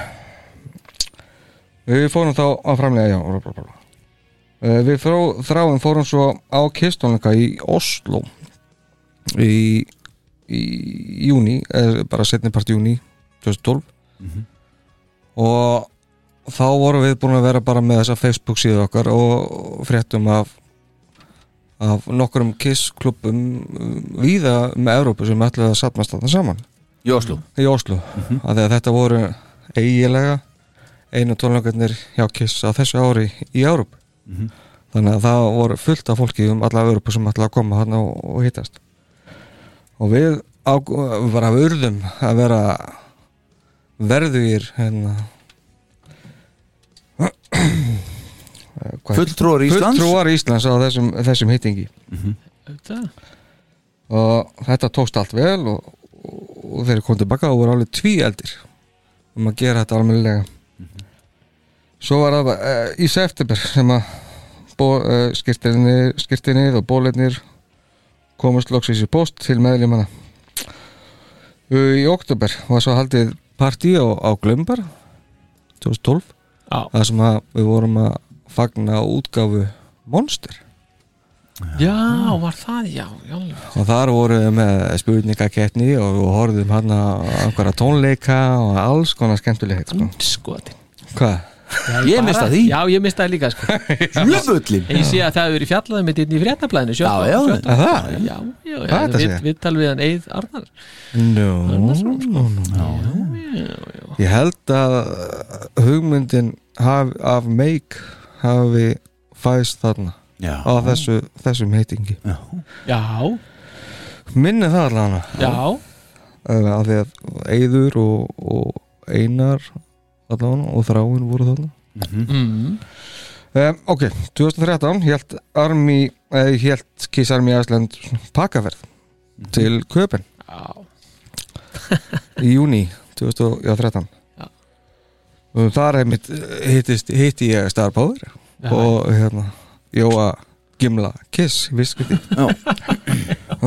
frábær ferði í alla staði fannst mér allavega Það er ekkert mikið verið að ringi í kallinn Nei, við vorum ekki með síman já. Nei Þannig að það var mjög skemmtilegt Já, uh, 2014, það var eiginlega toppurinn þegar að við náðum að koma he- herra Bruce Kulik til hansins já, það var rosaleg Fá, ég vil reyndar að meina að topnum sem ekki náð no, nei, nei, nei, nei, vissilega Það er Þetta er ennþá að leiða upp sko fullt í pípónum Já, já, já En hann So allavega far heiðra, heiðraði okkur með nervið sinni þanda og við, við hans og spilaði á spot með hljómsveitinni Make á þessum tíma Misti alls ekki að því Nei, það var hér allra besta rosa- partí sem almáttugur ég hef góður. haft partí í bara Takk fyrir fórseti, takk fyrir það Já, þakka Ég ætla þér. bara að rétta á milli hérna var að Já, þú átt skilið stef fyrir það, gig Heldur betur maður. Sæl ekki um flutningu þinn á sviðinu Já sjokk, sjokkarinn Því að það ekki Já, það, það, það var náttúrulega bara ævintýri sko. En fyrirgeðu, þetta var út út úr já, ekki nú uh, 2015 þá held ég að ég var alveg bara farin að sjá um þetta þetta og frá 2014 nýlega mm -hmm. uh, Held ég sýningu í Bíobardis á henni góðsakan kendu Kiss Meets a Phantom at the Park Aha. og þar útbjó ég svona leikskrá og aðgöngu miða að fyrir mynd, mynd miðana sem voru á tólningana í, á Magic Mountain 78 og leikskráin sem var hérna 81 þegar þetta var sýnt hérna á Íslandi það var frábært kvöld í alla staði Frábært, ég byrði konu minni í bíó hó. já, Já, ég bauði líka lögum Voruð þið í salnum þú að laga? Já, já, Já, Freydís líka já, einmitt Þetta var geggjað og ég aftur Takk fyrir þetta fórseti Var það ekki eftir ég hringdi í þig? eða? Nei, þú varst ekki að það búin að Nei, ég var ekki Nei, ekki Ég man ekki einu sinni eftir að tala við í nótt hérna. Nei ég var ekki eftir að hafa séð Þetta er þig bara messenger og akkurat sko. ég held ég ágrið, ég held sikir sem minn símanúmerið þitt nei, nei, jú, ég held ég sunni með það Nei, Ha? það er alltaf einhver Já, já já, og bara áttu við mjög góða stund Heldur betur. bara náðum að fylla salin og bara geggja það sko í rauninni er þetta það síðasta sem ég hef gert formlega undir merkjum kissarum í Æsland þannig séð sko Rindar með eitt podcast líka já, svona, svona, svona formlega Já, eins og þú skilur já, Já, já. áskil Já, er mitt þannig að En, já, En svo bara vaknaði þetta Það mitt þegar að þú hafið samband Já. Þannig að fyrir rúmið ári síðan Er mitt eins og fræktir orðið En hugsaði þér, Það er bara stórkvæslega kannski ég hugsaði áðan þegar að þú varst að tala um hann í byrjun sumars 2012 þegar þið ákveðið bara að láta vaði í þetta og stopna þetta Þú veist, þá eru 37 ár liðin frá því að Starkey stopnaði Kiss Army í Terry Hátt Akkurat, akkurat Hugsið ykkur Lang líft dæmi Heldur Já, betur eins og við, rosalega. við höfum oft talað um sko, að Við náttúrulega heldum að Við verjum bara náttúrulega The, the only kiss hérna, Hands in the world Já, nákvæmlega. og þú hérst það líka Þú hérst það líka já, já. Svo, um, Það var einmitt ástæðan fyrir við stopnuðum kissar með Æsland Facebook grúpuna til að sjá hversu mik- margir myndi nú taka þátt í þessu Mhm. Það var bara ótrúlegt að sjá þetta bara, Já, og svo er það spurning hvað eru margir virkir sko já, já, fyrir utan það náttúrulega en það var alveg bara ótrúlegt hvað, hvað það poppuð upp bara alls konar fólk sko. Margir Einmitt. hausar Já, Ég hef aldrei getað ímynda mér þetta hótileigandi og flottu hóteli í Reykjavík sem að poppaði þarna upp sem aðdáandi og, og, og hýsti Bruce Kulik Já, þegar hann kom já, hérna bara bara- alveg fríkt on him já. bara í stórkostlegt. pentásvítunni bara og, og, á Grand Hotel Mm hann Já, og ok. Abba ha, já, hann og Abba ok Já, managerinn hans, Bruce já já, já. þannig að þetta, þetta var mjög skemmtilegt að taka þátt í þessu ég, svona, ég og Ella vorum að sjá um þetta svona mestu bara síðustu tvö árin en svo bara en ég meina þú, veist, þetta er ekki hægt og búið þetta Nei, hluti nei. fara bara í dvala og Já, veist, já, það er já. ekki annar að fara að taka upp kissarmi í Æsland þetta, er- þú átt þetta bara, skilur við eh, Já, það er allan enginn gert að hinga til þannig að ég bara held í þetta ennþá já. Það getur verið náttúrulega managementi mitt komið og kannski takk í þetta úr handunum maður Já, svo er það. já, ætlar að setja markastildinni í þetta ég seti í markaðdættinni alltaf að bjóða mér bjóða mér Eh, fari í skótanum Já, já Setur aftur í Já, Strákar, ég held að það sé bara komið að því að- að heyra í uh, Mr. Starkey Já, en ég ætla að fá að slúta þessu hérna með Já, orðum- Rétt er að slúta þessu Já, Já. Já, rétt að slúta þessu með, með orðum frá Jóhannes í Geir Núma sinni ok þar sem að hann er að kvitta hérna fyrir inn á viðburðin sem er Meik og Bruce Kulik á spot 31. janúar 2014 Já, þar stígur okkar maður, sterkurinn Ó. hann segir Sæl, sælir Meik og fleiri ég er svo spenntur að ég er að míga á mig ég verð, og ég verð að fá að vita við sem kefti meet and greet fáum við að hitta Sir Bruce eru við grúpís og hittum hann sveittan og skeggjan eftir tónleikana eða hvað Já. Ég ætla bara að þakka Jóhannes fyrir þetta innleik Þetta er stórkostlega Nú klöpum við þessu bara já, já, já. Nei, já, ég getur alveg svarað hún núna ef hann hefur- Kæri Jóhannes, ég veit þú er búin að býða þetta svarinu lengi Í sjö ár Átta ár sem er búin að býða Kallinn Já, Já. ok Nei, nei Já, ég ætla að vona að komið skallin, já, já Já, Hann hlýtur að hefur vera. kom pott Já, já Hann kvita fyrir það á, á Facebookinu Já. Þess. Er eitthvað meira stokkar? Nei, við Nei, ég erum góðið vil ekki bara fara að dempa í þetta bara Er ekki bara Starkey í næst? Ég Það held er að- starki Fáum hann. Og Terra Hóti Og það er hót Hóti Anskoti Kæri í dag Já.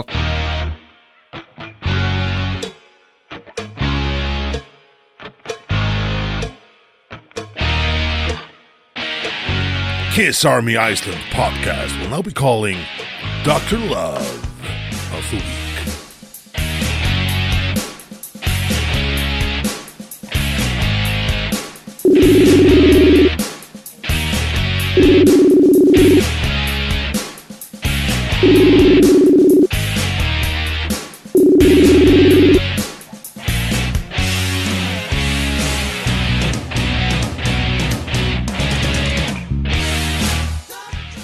Mr. Bill Starkey Welcome to our show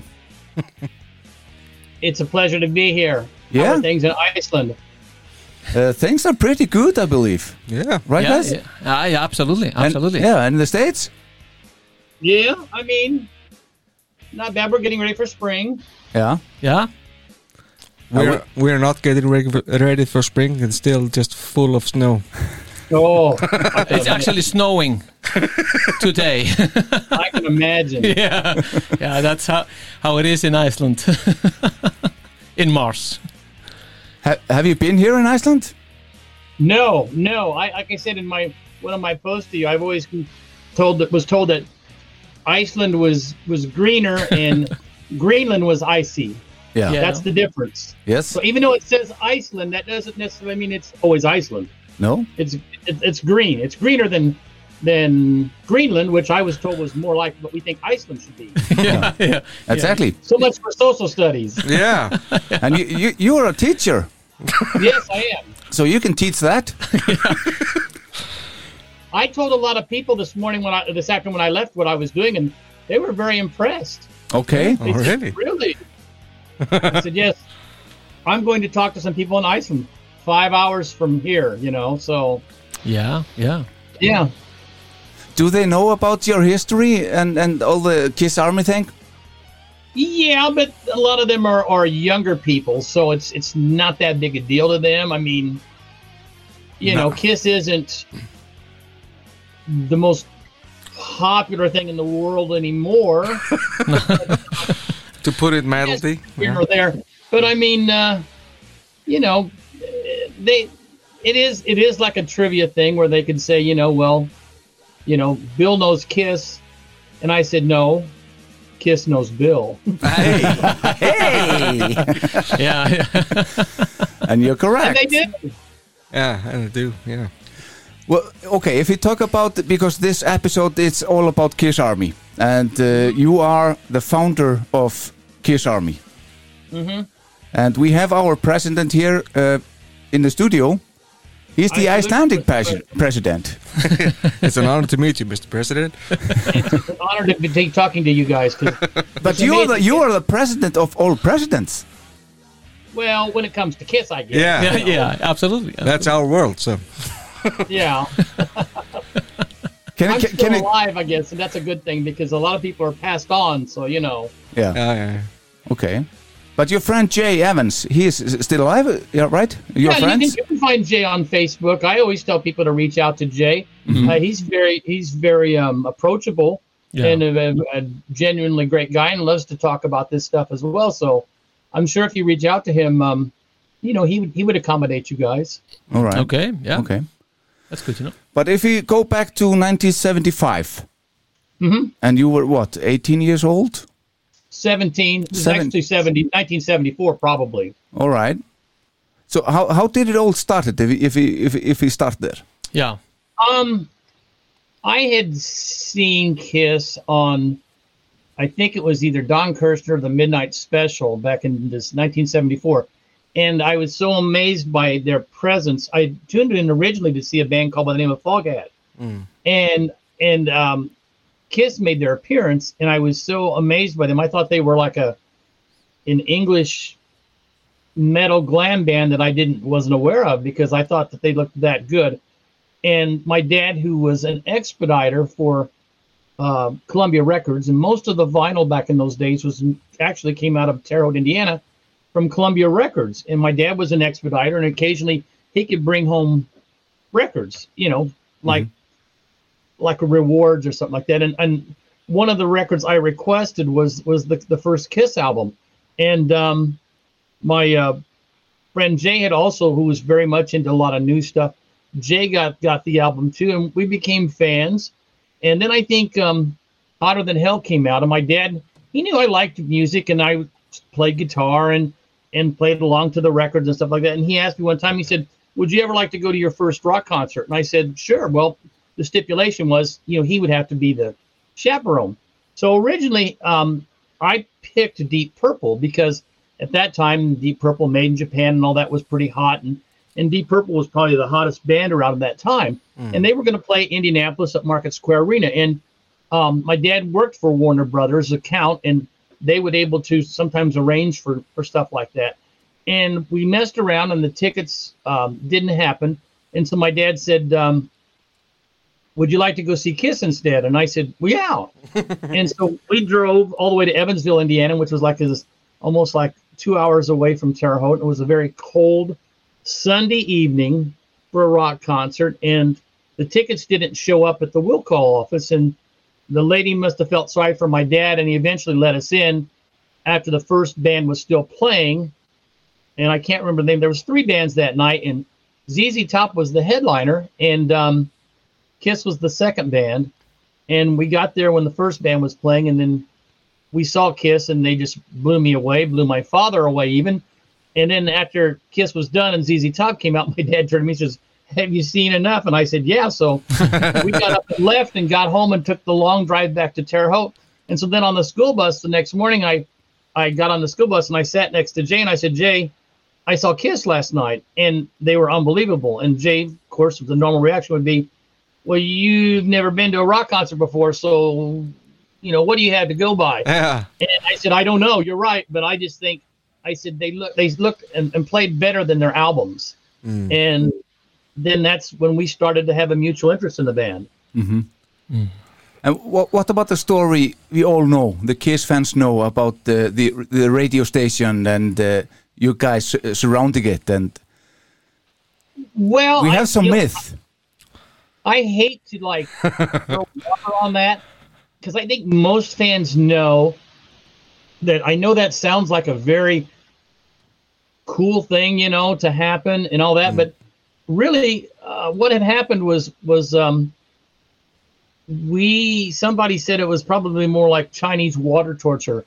We we bothered the radio station for a long period of time. We didn't just get our way um, like that Wow. and um, so um, back in the 70s you had something that was called a request line so you could actually call on the phone and request songs and most of the time they would play what you wanted to play well we called our local radio station and they they told us that they weren't going to play kiss and one thing led to another and eventually after so many other calls they'd say well that the the program director didn't like the band he thought they were a new york whatever band like the Dolls or something, and we were so kind of naive back then. We didn't realize that they were probably playing with us, but even then, they still wouldn't play Kiss. So um, Jay and I we were doing all this stuff out of my basement, you know, because I didn't have a job. Jay was in his first year of college, so um, we just decided that um, I don't know. It may have been Jay because he was on a military kick at that time. He said we should call ourselves the Kiss Army. And so we started writing these letters to the radio station telling them to play Kiss or Else. And we were being silly and drawing tanks and Gene Simmons with fire and all this stuff and saying, you know, we're the Kiss Army. And if you don't do this, um, there's there's going to be hell to pay. And then at the same time, we were knocking other, we were knocking other bands that they played a lot of, like the Eagles and the Beatles, who, who deserved to be on the radio, but we were the Kiss Army, and we decided we had another agenda. So so it was a two-man army. yeah, and then At the time. eventually there was another there was another local radio station called WPFR who didn't have the clout that WBTS did, and eventually we convinced them pretty easily to play Kiss, but that really wasn't what our main objective was. Mm. Mhm. We were trying to get on WBTS. So all this stuff was going on, and then in, in September, Kiss decided um, to release Kiss Alive, and that probably helped our cause as much as anything. Mm. And then at the same time, Kiss announced they were coming to Terre Haute in November.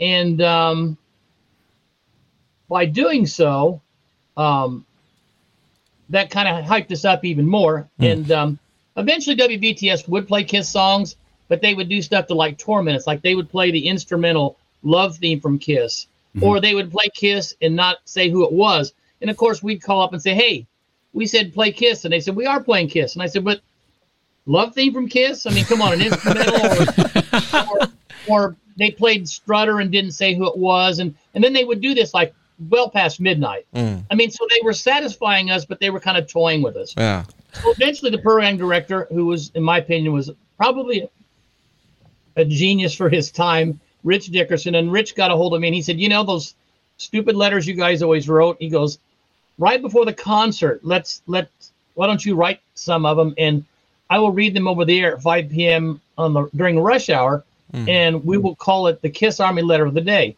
Well, I, I fell for it in that I would write the letters, but he would read them over the air, and then he would have his rebuttal. So no matter what I said, he came back on me, and you know he he let us have it and told us that you know that, that the, our IQs were low and everything, and it just and, and I gotta admit we were probably sounded pretty juvenile at the time, but you know we were doing this and and we were there was really no serious intent here. Nobody was going to get arrested. I mean we we just felt that we had seen you know um we we felt we had a cause now in between that time uh, i had seen kiss a second time two weeks later in indianapolis by myself and i came back and told jay i said jay they're the real deal so then back in april like three or four months after that in december from april um jay was going to go to see his first show and we were going to go see him because this time kiss was headlining and so we convinced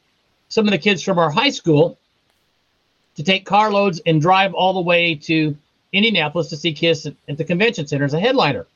And they were all hooked. I mean, it was amazing. Uh, Status Quo opened up the show. Then um, Rush, first time I'd seen Rush. And um, then Kiss came out. And I think they just maybe barely played rock and roll all night. I don't know, because at the time, only, only Dress to Kill was the only album out. So um,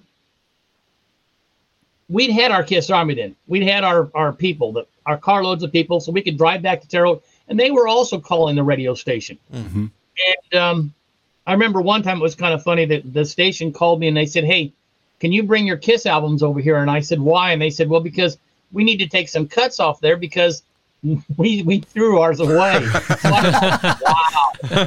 So I had to go to my mom and beg my mom and say, you know, um, can I borrow the car? And she said, why? And I said, 'Cause, you know, I don't have a job or anything. And I said, cause, cause, uh, I need to drive over to the radio station. They want to, my Kiss albums. They want to copy them for airplay. So I guess that was a victory in a way. Yeah. Absolutely. In Terre Haute, we had lots of rock concerts. We'd had the Doobie Brothers, the Eagles, Chicago, Sly and the Family Stone. We had a lot of rock concerts. But only one entertainer sold out. that entertainer entertainer was Elvis Presley, yeah, yeah.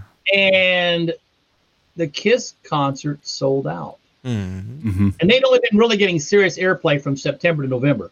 So the KISS people, who were very smart, Bill Coin and those people, um, they got a hold of Rich Dickerson, the program director, and WBTS people, and they said, "Hey, we hear your track record, and all these other bands, Aerosmith and and the Doobie Brothers, are like they didn't sell out. Elvis sold out, Kiss is sold out. What did you do different for?" Yeah. kiss that you didn't do for the other bands. And they said, well, only thing we can come up with is this idiot kid and his friends of his call themselves the Kiss Army. And they've been writing us letters all this time. And thus the Kiss Army was born. And I was told Kiss wanted to meet me. And the rest is history. So Hey. unfortunately, unfortunately, nobody had to surround a radio station. Nobody was threatened. Nobody went to jail. Nobody died. but, that- but- but that's really what happened. And and I know some people say, well, I like the other story better about surrounding the race, and that's good, but it's not true. No. And I, and I want to stay true to everybody that was involved because there's still a lot of people out there that were involved, and and to this day they enjoyed it, and you know Mhm. that's that's where we're at. So I mean, I hate to bl- burst anybody's bubble, but we didn't surround a radio station. Oh. Nobody got kidnapped. no, no guns. So, but that's how it happened. Yeah. Uh, Yeah, H- Uh, How how is it for uh, young kids like you guys? Uh, uh, you know, when when Bill Coin or those guys, the Kiss company, contact you and want to meet you. How is it for you as a Kiss fan to uh, meet the guys? Well, I was I was crazy because I really thought that um, originally when the first person I came into contact with from, from them was Alan Miller, Mm-hmm. and he was calling me daily because we were making plans as to Kiss's arrival at the Holman Center. We wanted Mm. they wanted to pattern the Terre Haute event much like Cadillac. They wanted to have Yeah, yeah. people painting up at the airport. They wanted to have a band. They wanted the the city to turn over and all that. I couldn't get any of that done. It couldn't. It just didn't happen. Um, but I was also kind of told that originally the and it's- I have it in writing that they wanted to um, the Kiss Army to be run out of Terre Haute, Indiana, and that I was going to have a job doing it. And so I was under the impression I was just working for a job. So I was I was pretty dead set of getting doing as much as I could because uh, I thought I was going to work with these guys. All right. And I, I really believe that that would have been a fitting ending that the Kiss Army would have been run out of Terre Haute, Indiana, which is the central part of the country. And hey, we could have done it. Um, but I also realized that I was very young, very naive with just a high school education, and it probably wouldn't have worked out in the long run. So, um, yeah, talking to Bill O'Coin and Alan Miller and all that, I mean, Bill O'Coin was a good guy. I mean, uh, the few times that I got to meet him and, and but most of my instruction came from Alan Miller. Okay. And, and then I then I think this was in '75, November '75. Then Kiss flew me to New Year's, New Year's, um, as part of like a reward. And um, I spent three days in New York. I got to see their um, New Year's show, and there was a pool party on New Year's Eve. And um, I was uh, brought with Jim Neff, who was also the guy that organized the Cadillac thing. Yeah. So um, that was kind of, I guess, my reward for the time. And I did my first interview, which was a guy from the Rolling Stone. Um, so um, that was January. And then in March or April, I got a letter or like a kit from the people who were really running the Kiss Army out in California. And they were telling me that that's what they were doing. And they were willing to work with me on a consulting basis because they were new to the band and they were running other fan clubs. So they wanted some input on Kiss stuff. But at that time, there wasn't a whole lot of Kiss memorabilia out there other than maybe two t shirts or uh, a poster and a belt buckle or two. And that was about it. Yeah, yeah. And that's where we are from 1976 around March or April. So. okay, yeah, yeah. So how how do you feel about that? I mean, uh, because the Kiss Army is still uh, still available, is, is still alive, and and uh, you're not, you know, direct part of it. Well, I, I'm as I'm as part of it as I can be. I mean, um, let's talk about it. this. Has been like 40 years ago. Yeah. So I mean, if you're asking like if, if there's any kind of hard feelings, uh, n- absolutely not. I mean, some things happen for a reason, and um, you know, um, I'm very proud of of the Kiss Army. Very proud of the band, and anytime I mention in anything that they do, uh, it's an honor, Mhm. and that's just the way I've always going to look at it. And why shouldn't I be? I mean, um, to me, it's probably the coolest fan club of all the rock bands. I mean, the Grateful Dead has the Deadheads. Um, there's um, all kinds of band names for bands fans, but to me, the Kiss Army is it. It's very unique, and um, it's a part of rock and roll history. I'd like to see it, it. I'd like to see the Kiss Army in the Rock and Roll Hall of Fame. I Mhm. think it's Mhm. that that cool of a story Yeah.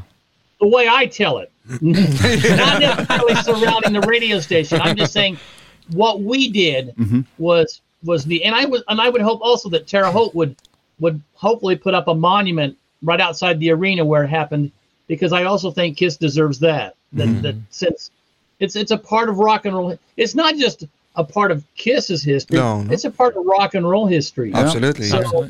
so um and it's also one of those rare things where um a kid in in in, in a in a Terre Haute, Indiana, a very small town, gets to meet his rock and roll idols and gets to be famous. Mhm. Now, I'm not rich, but I'm famous. I guess you know. sometimes you can be, you know. I mean, uh, Put- Putin is famous too, but you know, I mean, that's there's different ways of being famous okay so i'm i'm famous i'm just not rich but that's fine you know yeah, you can't god have it has all. a way of god has a way of doing things for people Mm. but Absolutely. um, i do remember alan miller did tell me many years ago when I, when we were doing we were doing all this planning and he goes you're going to be very famous and i thought really and so um how can i you know shake that off and you know just i mean it's it's something i'm always going to be proud of and um Kiss is Kiss is more than a rock group. It's a it's a s- it's a it's hard to explain. It it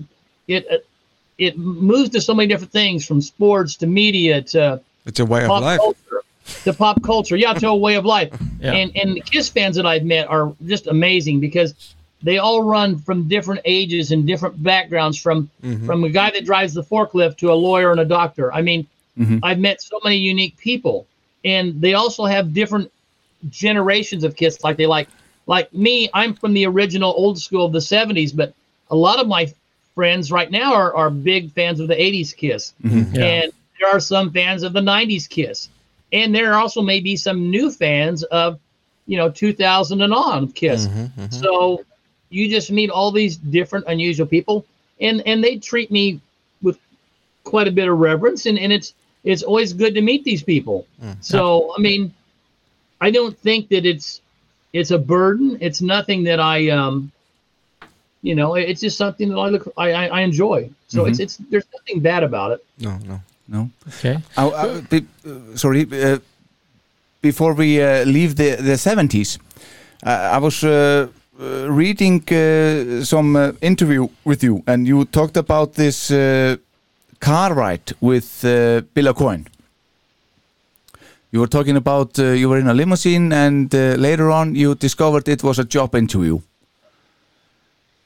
Do you remember that? No, no, no, I I never rode in a limousine with Bill Coin. you never did. Like, well, no, I may have on the on the, to do the New York show Mm. in New Jersey to to in, in of seventy five of January, and I was in a limousine with Billy Squire, who was trying to become a, who was trying to get a coin to manage his band, and um, that's about it. I mean, as far as any kind of contact with Bill, I, I saw Bill later on in s- in the summer um, when he gave me the Kiss uh, Originals album Mhm. because he was excited that I was I was mentioned in the, in the little bubblegum cards, and he gave me a copy and he goes, "Look," he said, "You're famous," and he gave me a big hug and he gave me the album. I thought that was really cool because here I'm mentioned in a Kiss album, you know, Yeah. Oh. Yeah. and and one with the originals, with the three original albums, which meant quite a bit to me.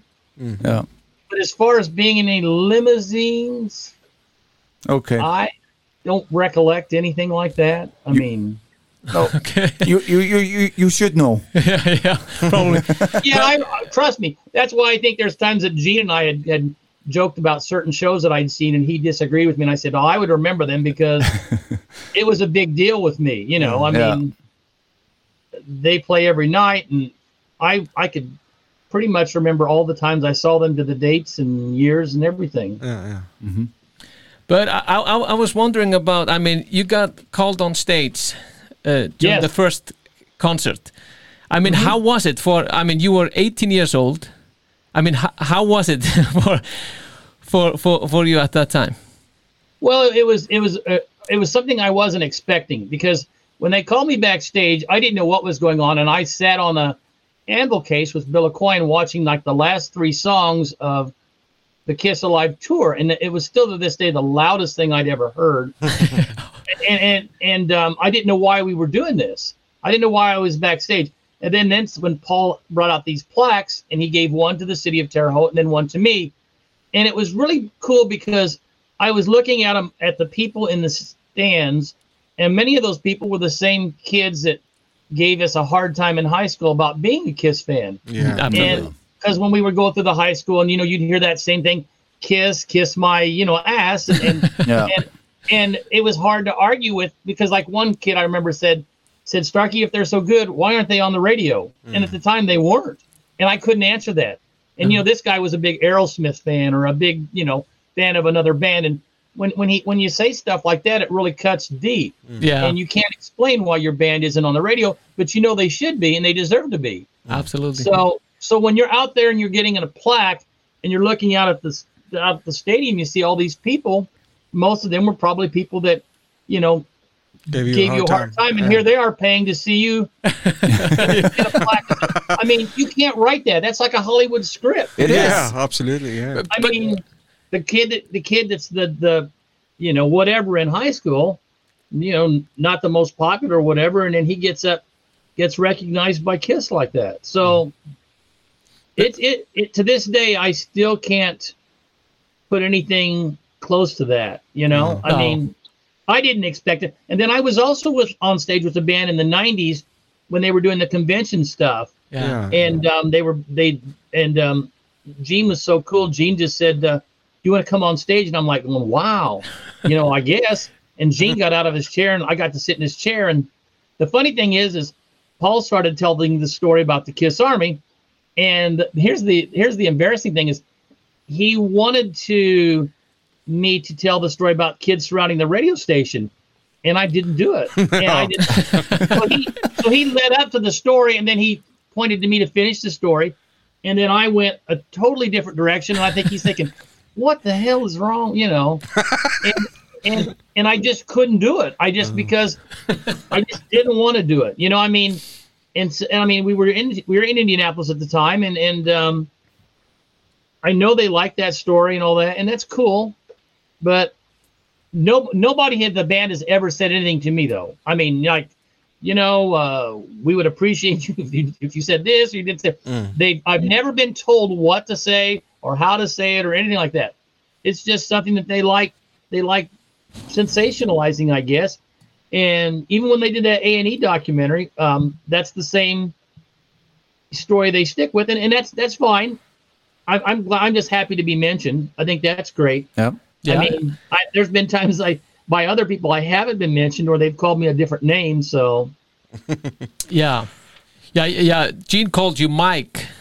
Ju- Yeah. yeah, yeah. and that and then I sometimes wonder if that wasn't on purpose because Oh, yeah. I think sometimes sometimes they may think that I need to be brought down a peg or two, and that's one way of doing it. You know, we'll show him.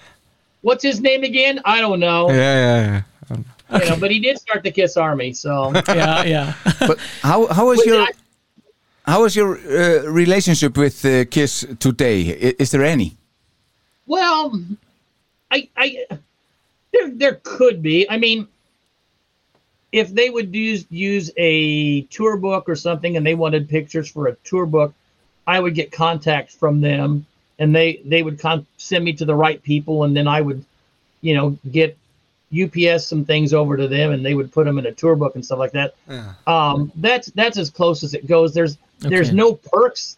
There's no perks. I mean, um, I had tickets for a while, but I think I said something.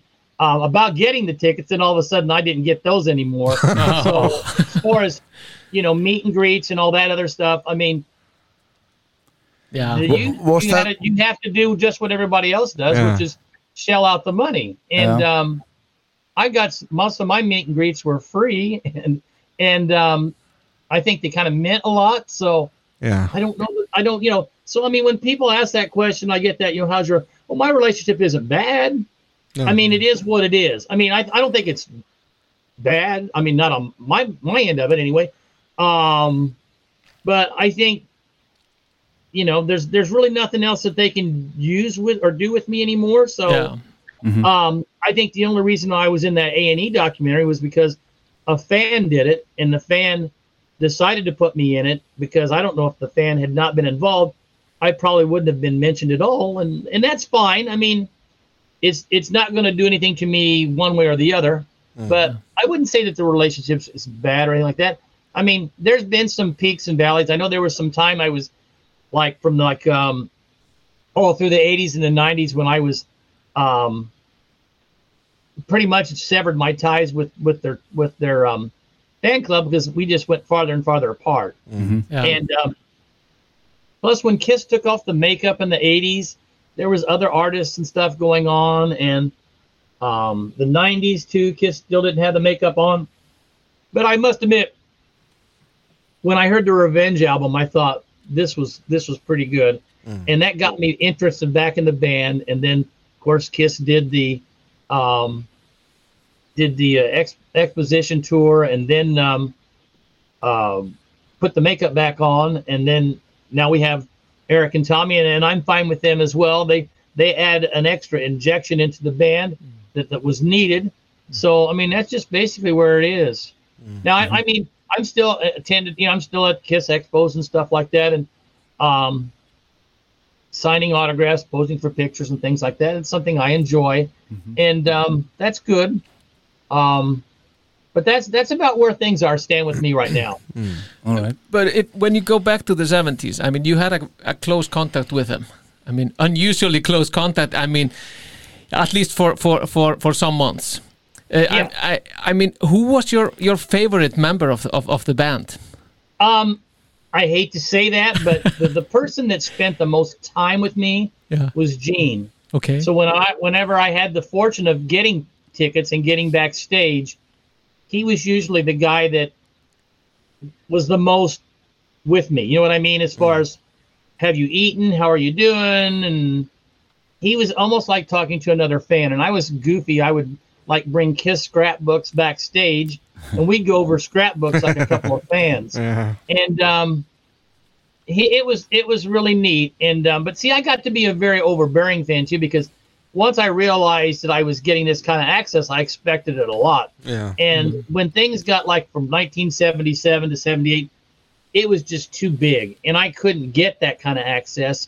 And they were too busy as well, and we just kind of drifted apart. Um, and and that was fine. And true, a lot of it had to do with the fact that you know a coin would change road road managers, and you know you knew certain people and you didn't know some people, and you're like. John Hart passed away recently, and John Hart was a good connection when he was there with Kiss. Um, he always did things for me all the time that I was really appreciative of. And, um, you know, when they had people like him there that were consistent, you knew that if you could get into contact with somebody, he could make sure you got your seats or whatever. Or, or if you knew where the, the after school or after, after school, after, after school concert party was going to be, Yeah, yeah. you know, he would, he would, could lead you there. Okay. And I was fortunate enough to l- bring in some of my friends to do that.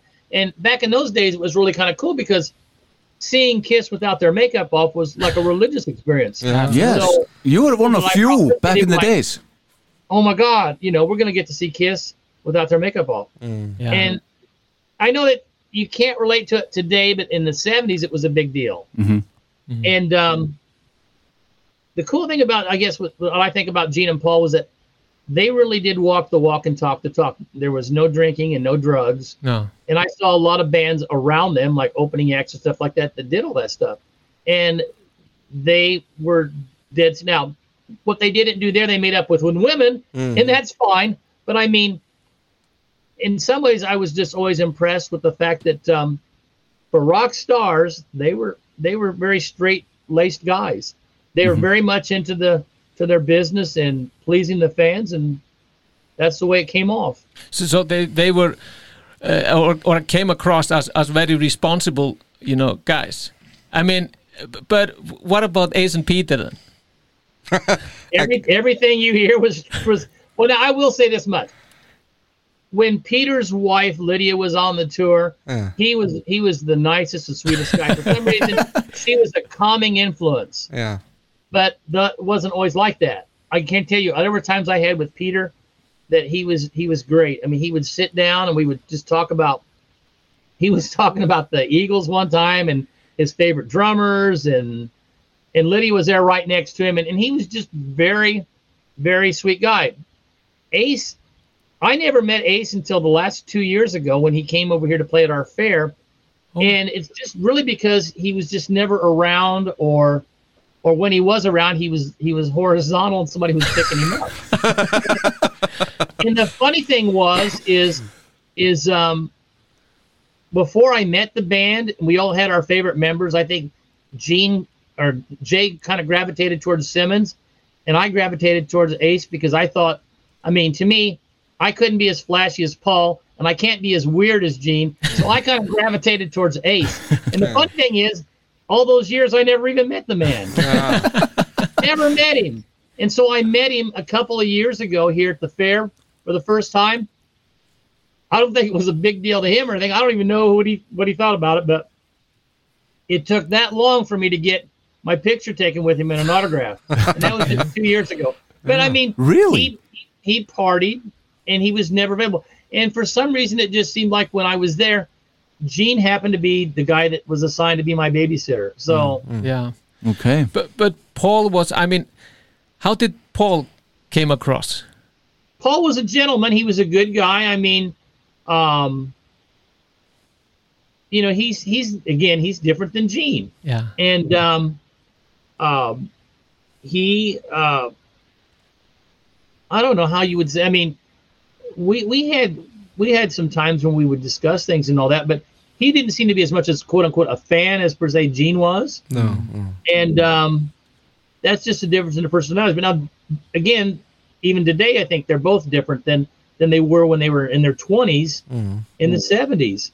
Um, but um, that's that's that's no knock on Paul. It's just um, Gene just happened to be the guy that was very approachable, Yeah. okay, and very More and and, outspoken. and, and, and maybe Paul was a lot more guarded about who he, you know, associated with. yeah, yeah, yeah. absolutely. yeah. And uh, I mean, it's like the difference between. I mean, listen. I mean, Paul had probably as many girls as Gene did. It's just he never advertised it the way Gene did. Okay, No. so so maybe that's where they were different. I mean, so It's an extrovert and nothing, introvert. nothing against nothing against Paul. I mean, that's just the difference between the two of them, you know. Mm-hmm. and I just think I wouldn't be surprised if somebody just told told Gene and says, "Hey, you know what?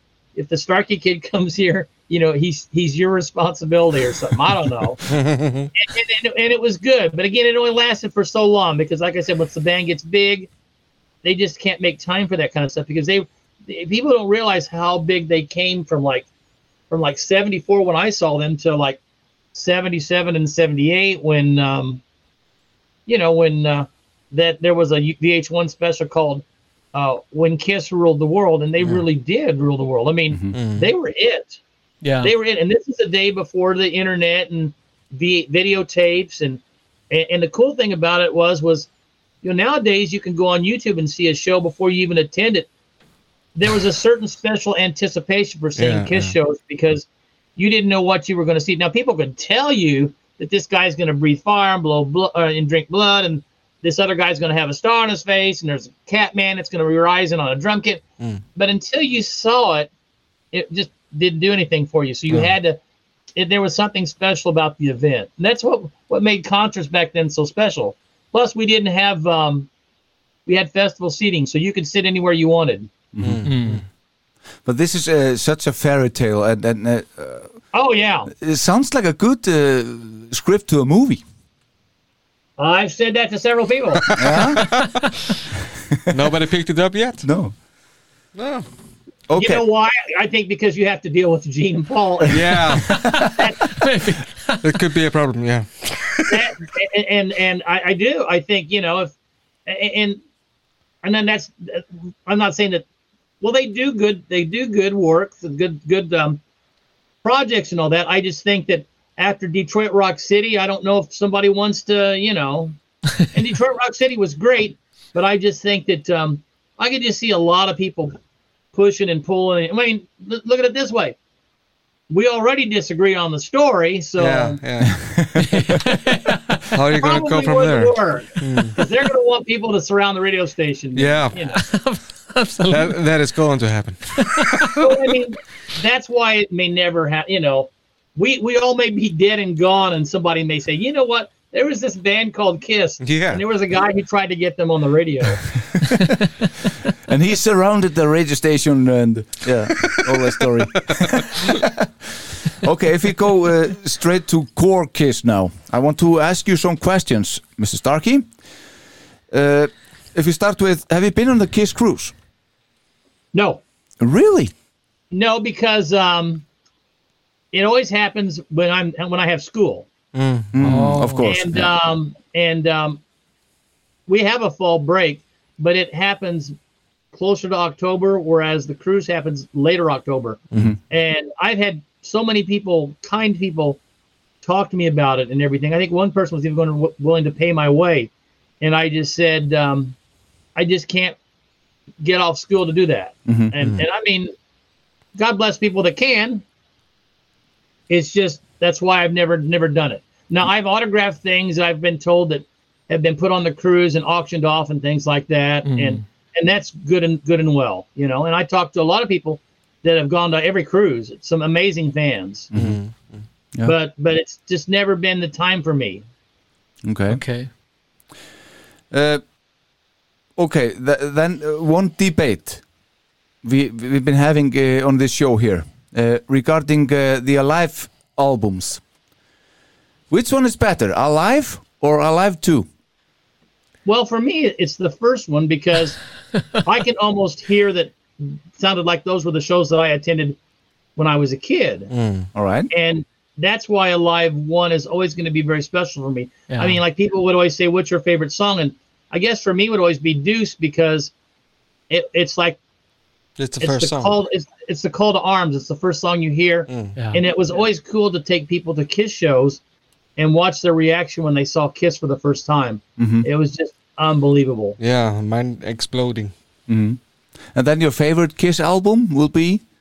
Um, ooh, maybe Destroyer.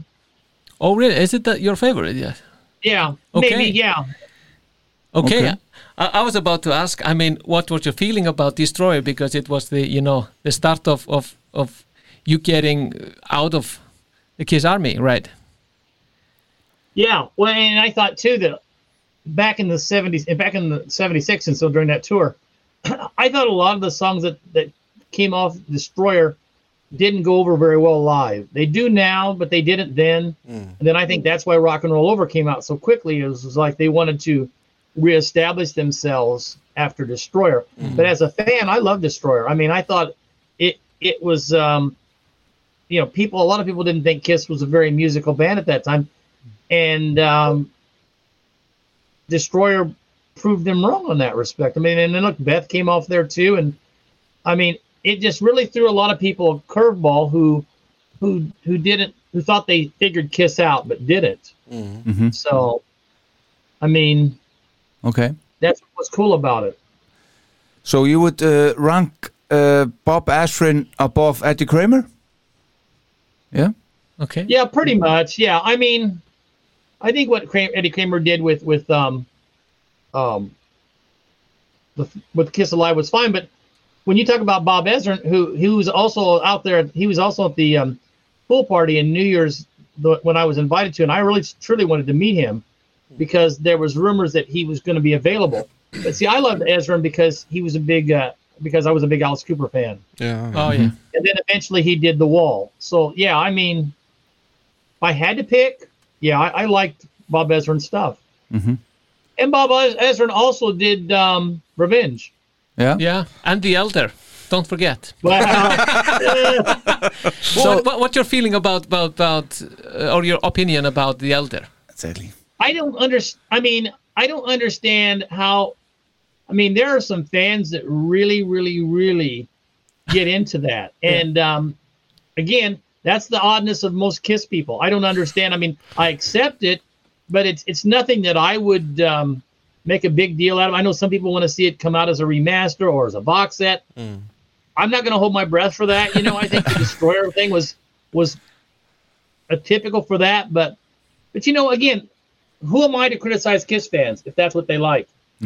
But, but I mean, in the seventies, you had this classical classic Kiss, but then followed up by the solo albums and then Dynasty and Unmasked. I mean, how was it to experience it? You know, just during that time. I I um I gotta admit, I started to lose interest about about when the solo albums came out because Okay. I thought the solo albums kind of divided the band in some ways, and um, after that, I kept thinking, well, there's just no way this is going to end well because they're already starting to go different directions.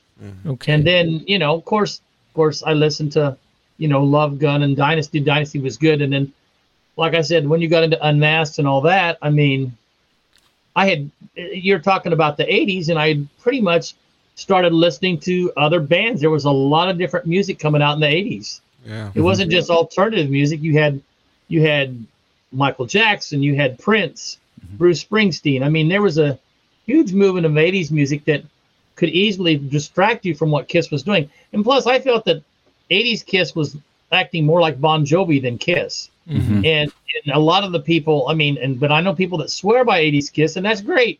Um, Bruce Kulick is probably the best guitar player that, or best musician even that Kiss has ever had. Um, but you know, it was hard for me to relate to what Mm. I saw in the '70s to the '80s Kiss. Yeah, yeah. And again, that's my personal opinion. As much as somebody who would say the Elder is Kiss's best album. yeah. Yeah. All right, you Right. know, everybody can say what they think. That's those fine. are those are very two different bands, the 70s Yeah. and 80s. Yeah. Be- But you mentioned uh, the 78 solo album, but uh, can I have you uh, to uh, rank them from the worst to the best? again, again, this is just my opinion. Of course. I like, I like, I liked uh, Jeans first, Okay. and, and Ace a very close second, Paul's third, and and Peter's and, and at the end. All right. Peter's And that always just- at the bottom. That's a shocker. Yeah, I know, and and that's not to say he didn't do some good stuff. He did. It just and and you know I know a lot of people swear by Paul's solo album, and it, it just never caught me.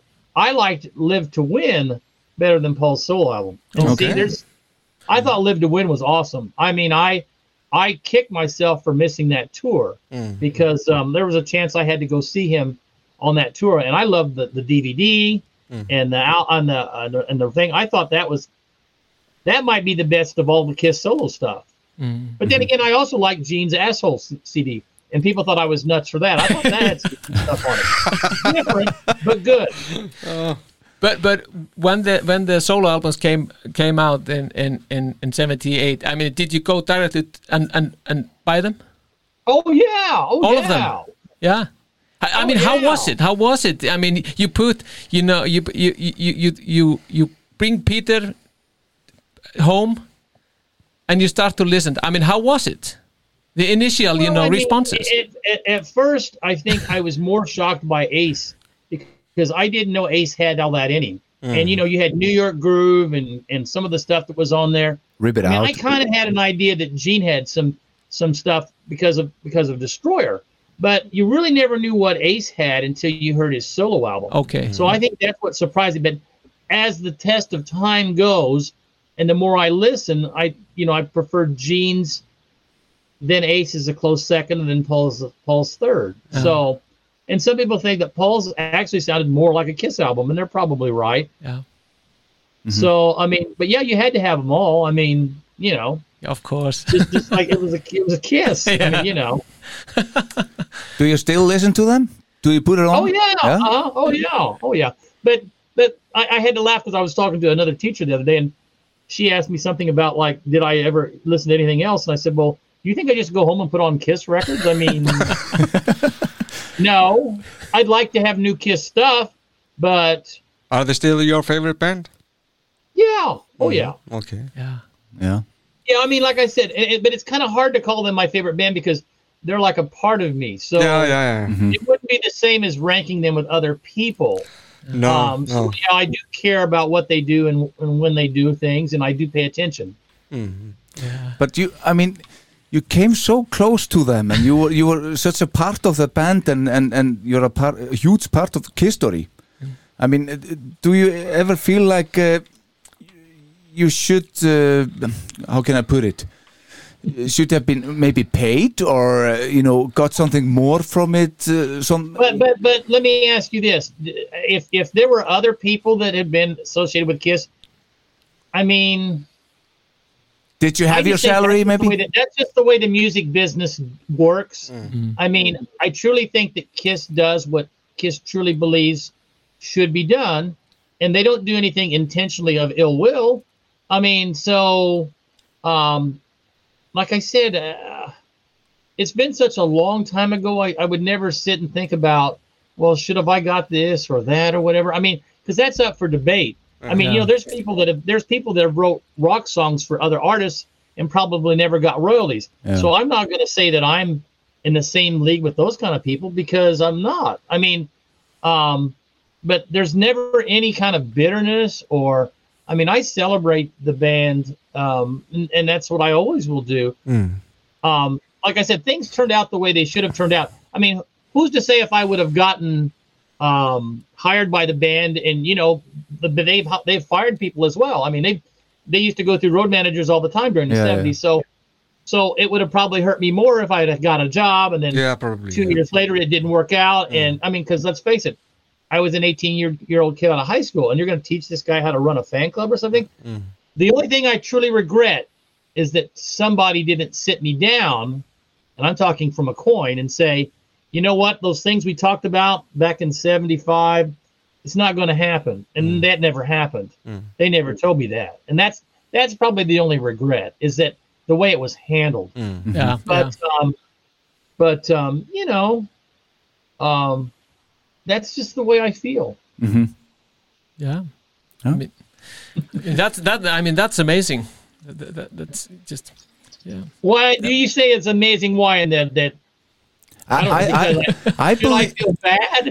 no. I, Nah, I- well, I don't know. I mean, I I we were discussing this before we we- before we met you now, and we were just I mean we we were speculating. I mean, how would it be to to to be in this position and and I mean when when I was going through this before this program, I was thinking. I mean, Kiss didn't really treat you fairly. That was my that was my feeling to this. So so but but I, I- I do appreciate your your your your your, your attitude towards Let the me whole say thing. this. Kiss treated me the way they felt I needed to be treated. And Yeah. whether or not it was fairly or not Yeah. Mm-hmm. is for someone else to decide. The reason why I don't feel bad about anything is because I know they felt they did what they needed to do and the way they needed to do it. Ah. And that's why I don't think there was any ill will or anything. I mean, um, that's just the way they operate. I mean, and, and that's just it. I mean, so there would you can't go through life thinking that you know somebody owes you something. I mean, you know, because that stuff gets. I mean, so I've always had the impression that the way things happened was it was the way Kiss intended it to happen, Yeah. and in, in their heart, that's the way they feel is the right way, and I'm fine with that Yeah. and and that's neither here nor there. I mean, I just look at past things that the band has done and people and other associations, and that's just the way I look at it. So, I mean, I'm not homeless and poor. and that, I mean, I've gone and done every other thing. And like I was joking with somebody who did work with the band a while back, and we were both laughing, and I'd say, "Gosh, where would I be without Kiss?" And the guy laughed and said. The same place you are now. So, I mean, it- it didn't it didn't really do anything for me. I mean, I met some neat people. I met some real idiots too. Yeah. But you know, and and it's great to be associated with with a band that had so much to do with rock and roll history, pop culture, Mm. and all that stuff outweighs anything else. Mm-hmm. Yeah. And and and you know, I've had so many people say nice things to me and and do nice things for me and all that, and they always come up with something like, "Well, we expected you to be like this or that and the other, and you're actually pretty positive." And I thought, well, to me, that's that's part of it. I mean, um, like I said, I don't think anything was done intentionally to me that would would say, well, we're gonna, you know, I mean, I let I let the other people come to their own conclusions, you know, and there have been people that have done that, and what it is what it is. Um, but um, as far as me, you know, um, my I'm doing I'm doing well. Yeah. I mean, I've got one more year of teaching left, and I'm going to retire, and um, I'll be fine. And then um, the Kiss cruise will be over. I don't know. It, it's hard to say. I mean, you know, when you got your health and things like that, those are the things you need to be, Yeah. Yeah. Mm-hmm. you know, be, be thankful for and your family and things like that. And those are things that you can't buy and that you can't, you know, you, you know, you, you just have to count your blessings and stuff like that. Mm-hmm. Yeah, absolutely, absolutely. Did you manage So, to? Did you? Everything happens for a reason, gentlemen, and that's just the way it goes. Yeah. And, you Mm-hmm. course. know, Yeah. Did you manage to uh, move all this uh, Kiss mania to your kids as well?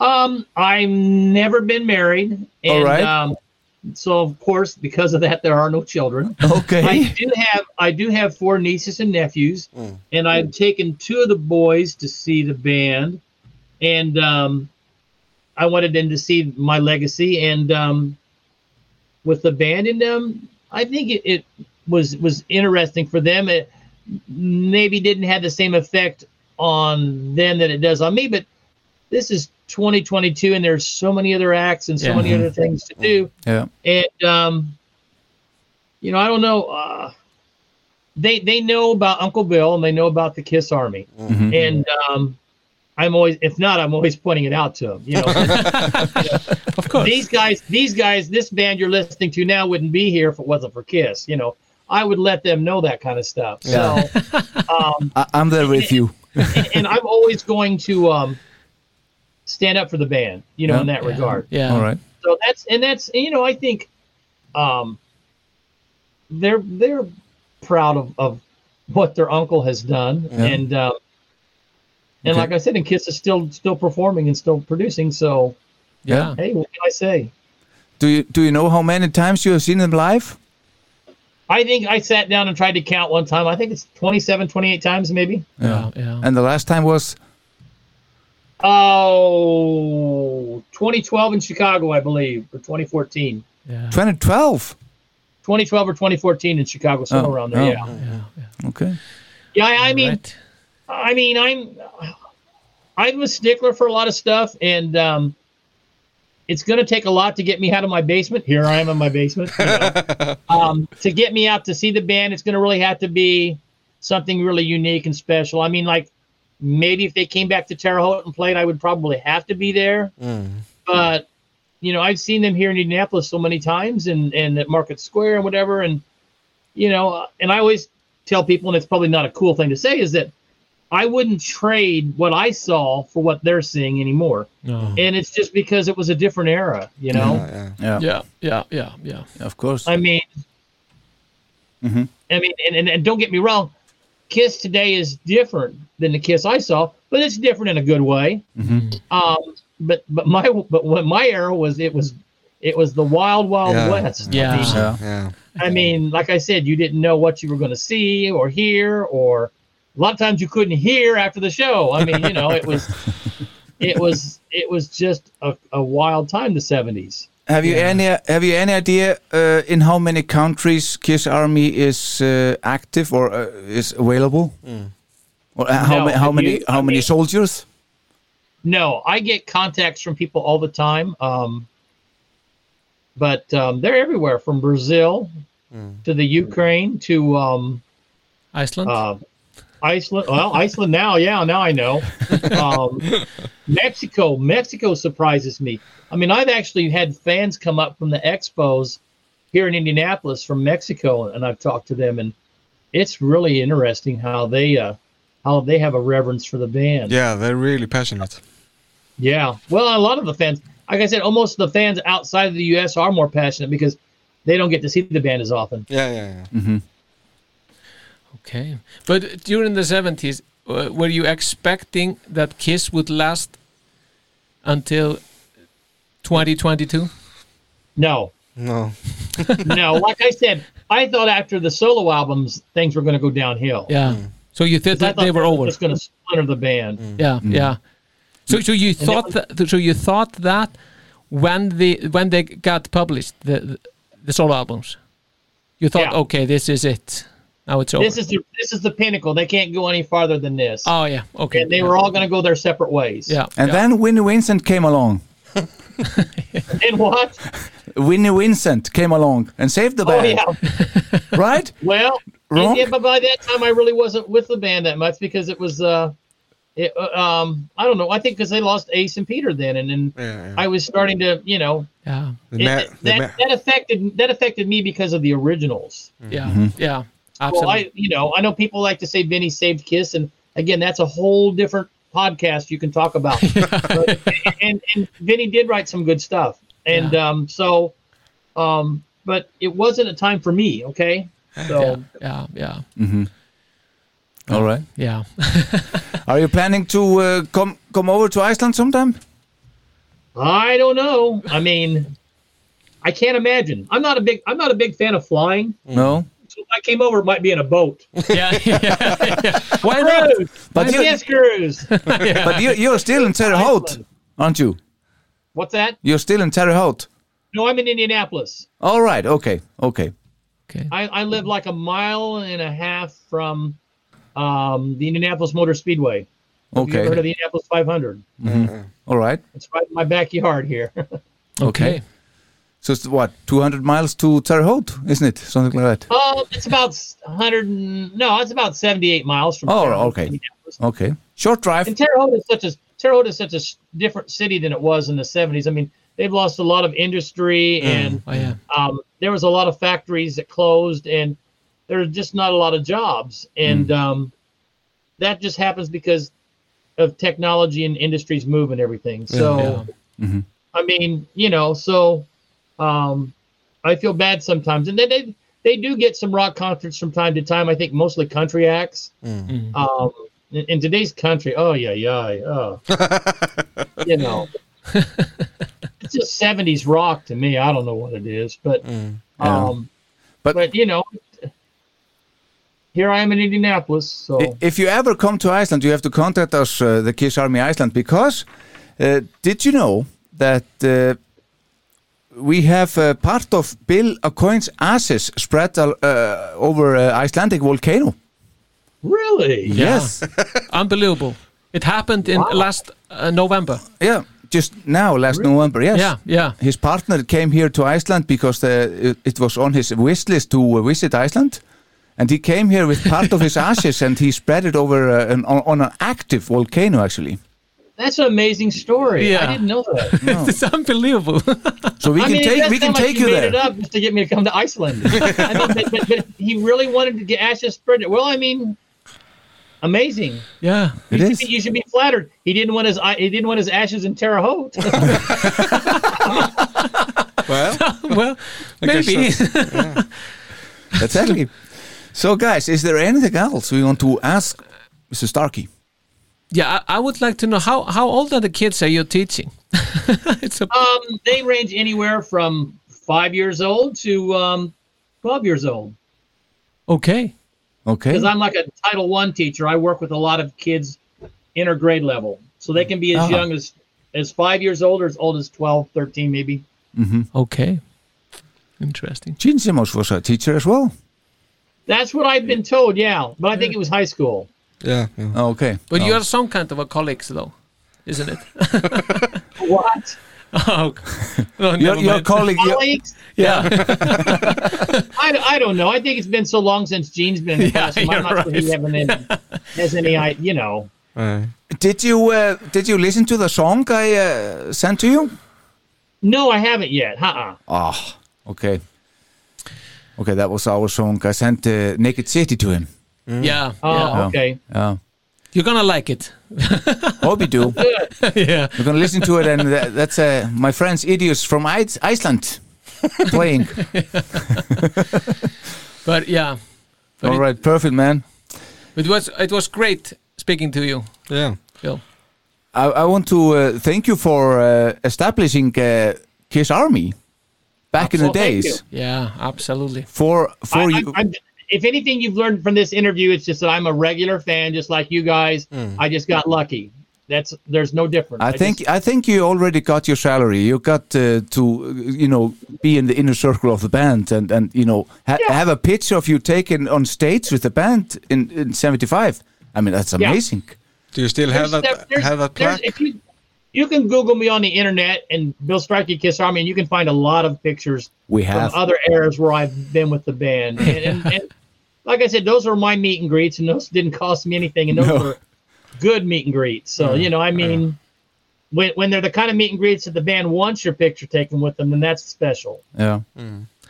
What what So- do, what do you think uh, uh, will become the legacy of the band afterwards? You know, I don't know. No? I don't know. I think the pandemic has really hurt their touring. Yeah. but um, I really truly believe that they they probably are going to hang it up soon. You know, because they're old. I'm old. I mean, they're older than me, and touring is tough, and um, it's hard to live up to the expectations that they put for themselves and for the rest of us. So um, it'll be interesting to see how they decide to to um, call it a day, and, and and who knows? I don't think they know. So um, you know, if you get a chance to see them, by all means do so. And uh, everybody I've talked to has been very pleased. So, um, you know, hopefully they come by your your area and um, you get a chance to see them sometime before they again call it quits. Yeah, absolutely. Yeah. They've been Yeah. talking about the last gig in uh, either my, uh, Madison Square Garden or maybe New York somewhere, Shea Stadium maybe I don't know. Yeah. Shea Stadium's not around. It'll be you know, Yeah. but somewhere outdoors maybe. It, you know, it's possible. And um, you know, we'll see. Will it be Ace and Peter and Bruce and Vinny? I don't know. I mean, it would be cool. Yeah. and Starkey as well. Yeah, I mean, I I would definitely consider going there. I mean, if it's a time when I don't have school, you know. Yeah. Yeah, Yeah. So perfect. We will see. We will see what h- how they close this. yeah, Uh, they close their career. yeah, Uh, Bill Starkey. Thank you very much for uh, talking to Kiss Army Iceland podcast. all right. And Thank you. again, My pleasure. and again, thank you for Kiss Army and and you know o- everything you have done for uh, for us for for the fans. yeah. Okay, We appreciate it.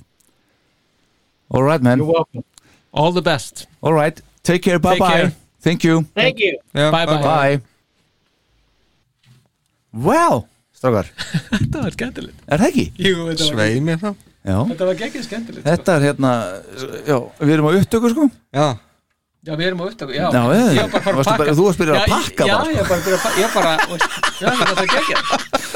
Já, En já, sko, við that's við erum a alltaf í þættinu. Já, já, það er þáttur sko. Þú ert með þátt núna. Já, alveg rétt, ég er með það núna.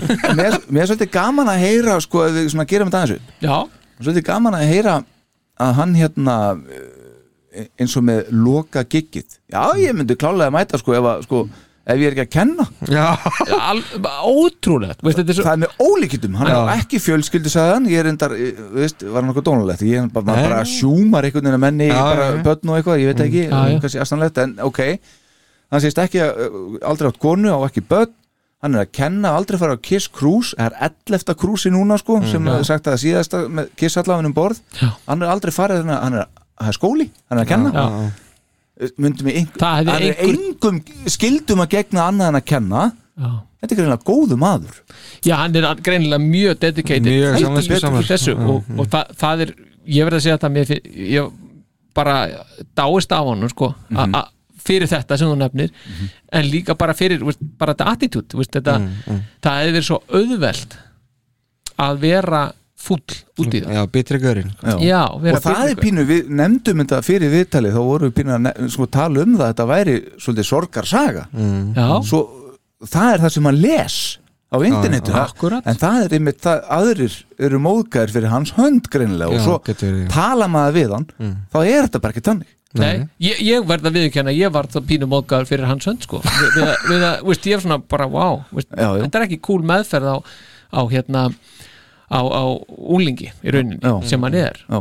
Og, og við vorum nú að blessa hérna, bandið í bak og fyrir hérna í síðasta þætti, meðan þess að þeir segðu allt satt og væru góður og gegnir og allt það og veist, og þá svona fór ég, fór ég að fá svona smá bakþanga býta er maður, já ok, þeir eru kannski ekki svona Þú veist, en, en hann bara trýtar það þannig veist, að þeir, bara, þeir gerðu bara það sem var þeir töldu best Mhm. að gera og auðvitað er kiss náttúrulega, þetta er business þetta er ekki, þetta er ekki hjálpastofn Nei, þetta nei, nei. er business Já, já.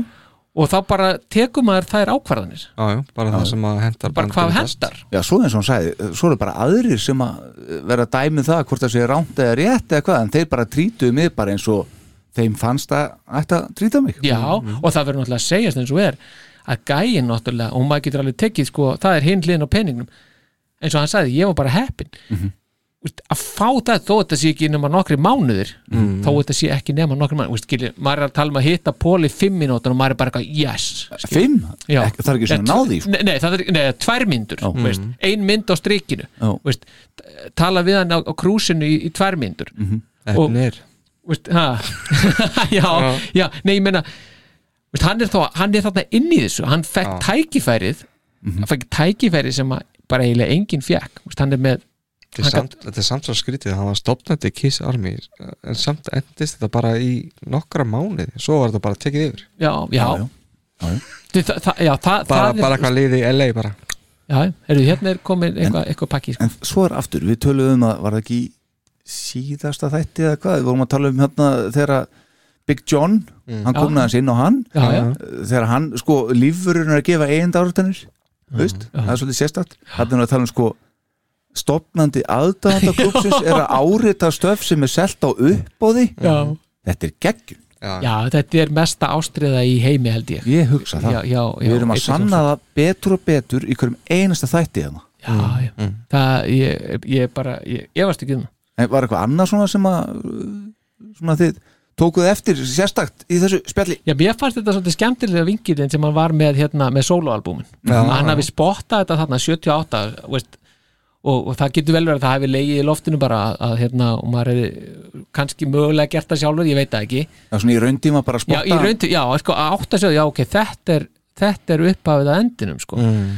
það, mér fannst það svolítið cool að heyra það að heyra frá gæja sem er, inn, veist, er í bandaríkjanum Kiss er stærsta bandið og hann er einhvern veginn hann, hann er að upplifa þetta sem að Já, mann já, langar svo, maður, maður óskar svo sjálfur að maður hefði geta fengið að upplifa já. akkurat, akkurat en hann var með þetta og hann las þetta Mm. í þetta og hafði rétt fyrir sér heldur betur já, þannig að, þannig að hérna, þetta er svona við, já, ég er að reyna að rifja upp eitthvað umræð nei, ég get ekki botnað en, það en ég get hérna uh, annað sem ég hjó eftir í þessu spjalli mm, hann fekk að velja milli Alive og Alive 2 já, þetta er fórseti fórsetana hann valdi Alive já það, hann, en hann Það útskýrði kom mér líka ekkert okkur. á óvart. sko. það kom ekki á orð en ég var nær ég búin að láta býða um að skella á hann sko en, en, en ég ákvaði að gera það ekki Thank you Mrs. Starkey en já, mér fannst líka sérstætt að Destroyer ég held að Já, það væri svona einmitt. súrsætt eitthvað dæmi Já, Ég fyrst, bjóst- að, fyrst að hann kom inn sko á fyrstu Kiss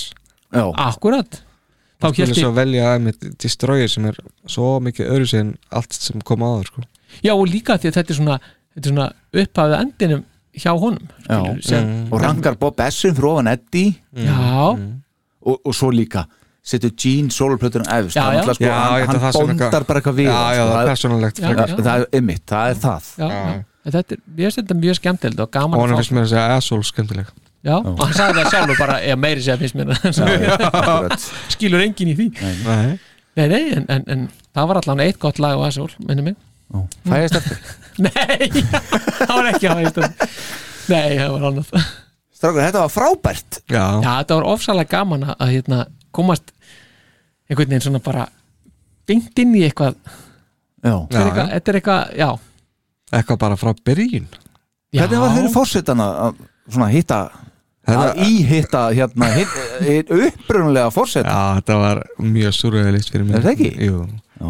Ég ekkert nefnir bara hafði bara gaman á að hlusta á hann bara Já, ég veit Að hvað sem hann hefur að segja, eh, það er bara frábært sko.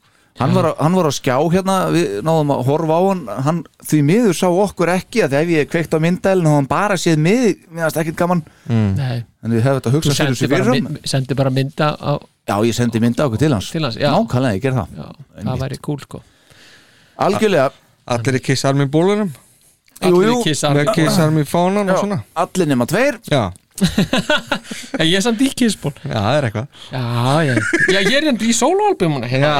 já, yes upp, upp að Ég veit ekki, maður, ég verð að gera eitthvað því, ég, Má ég klæði mín að fána svo með það Herri, ég hugsa að við endum þetta á uh, Juice sem er hans uppáhalds kisslag uppáhalds kisslag hans Bill Starkey Akkurat og af alaf eitt það er eiginlega verður að vera Það þannig er- líka það, það- það er bara er þannig Það er svo geggjað líka þetta lagum þetta Þetta er það sem hann Fyrsta- mann eftir sjálfur Fyrsta lagi sem hann sá live Úff, Já. Þetta var þáttur nummer 54 já, Þanga til í þætti nummer 55 strókar Takk innilega fyrir þetta, þetta var Já. frábært Takk fyrir okkur sömulegis Mikið, sko. Takk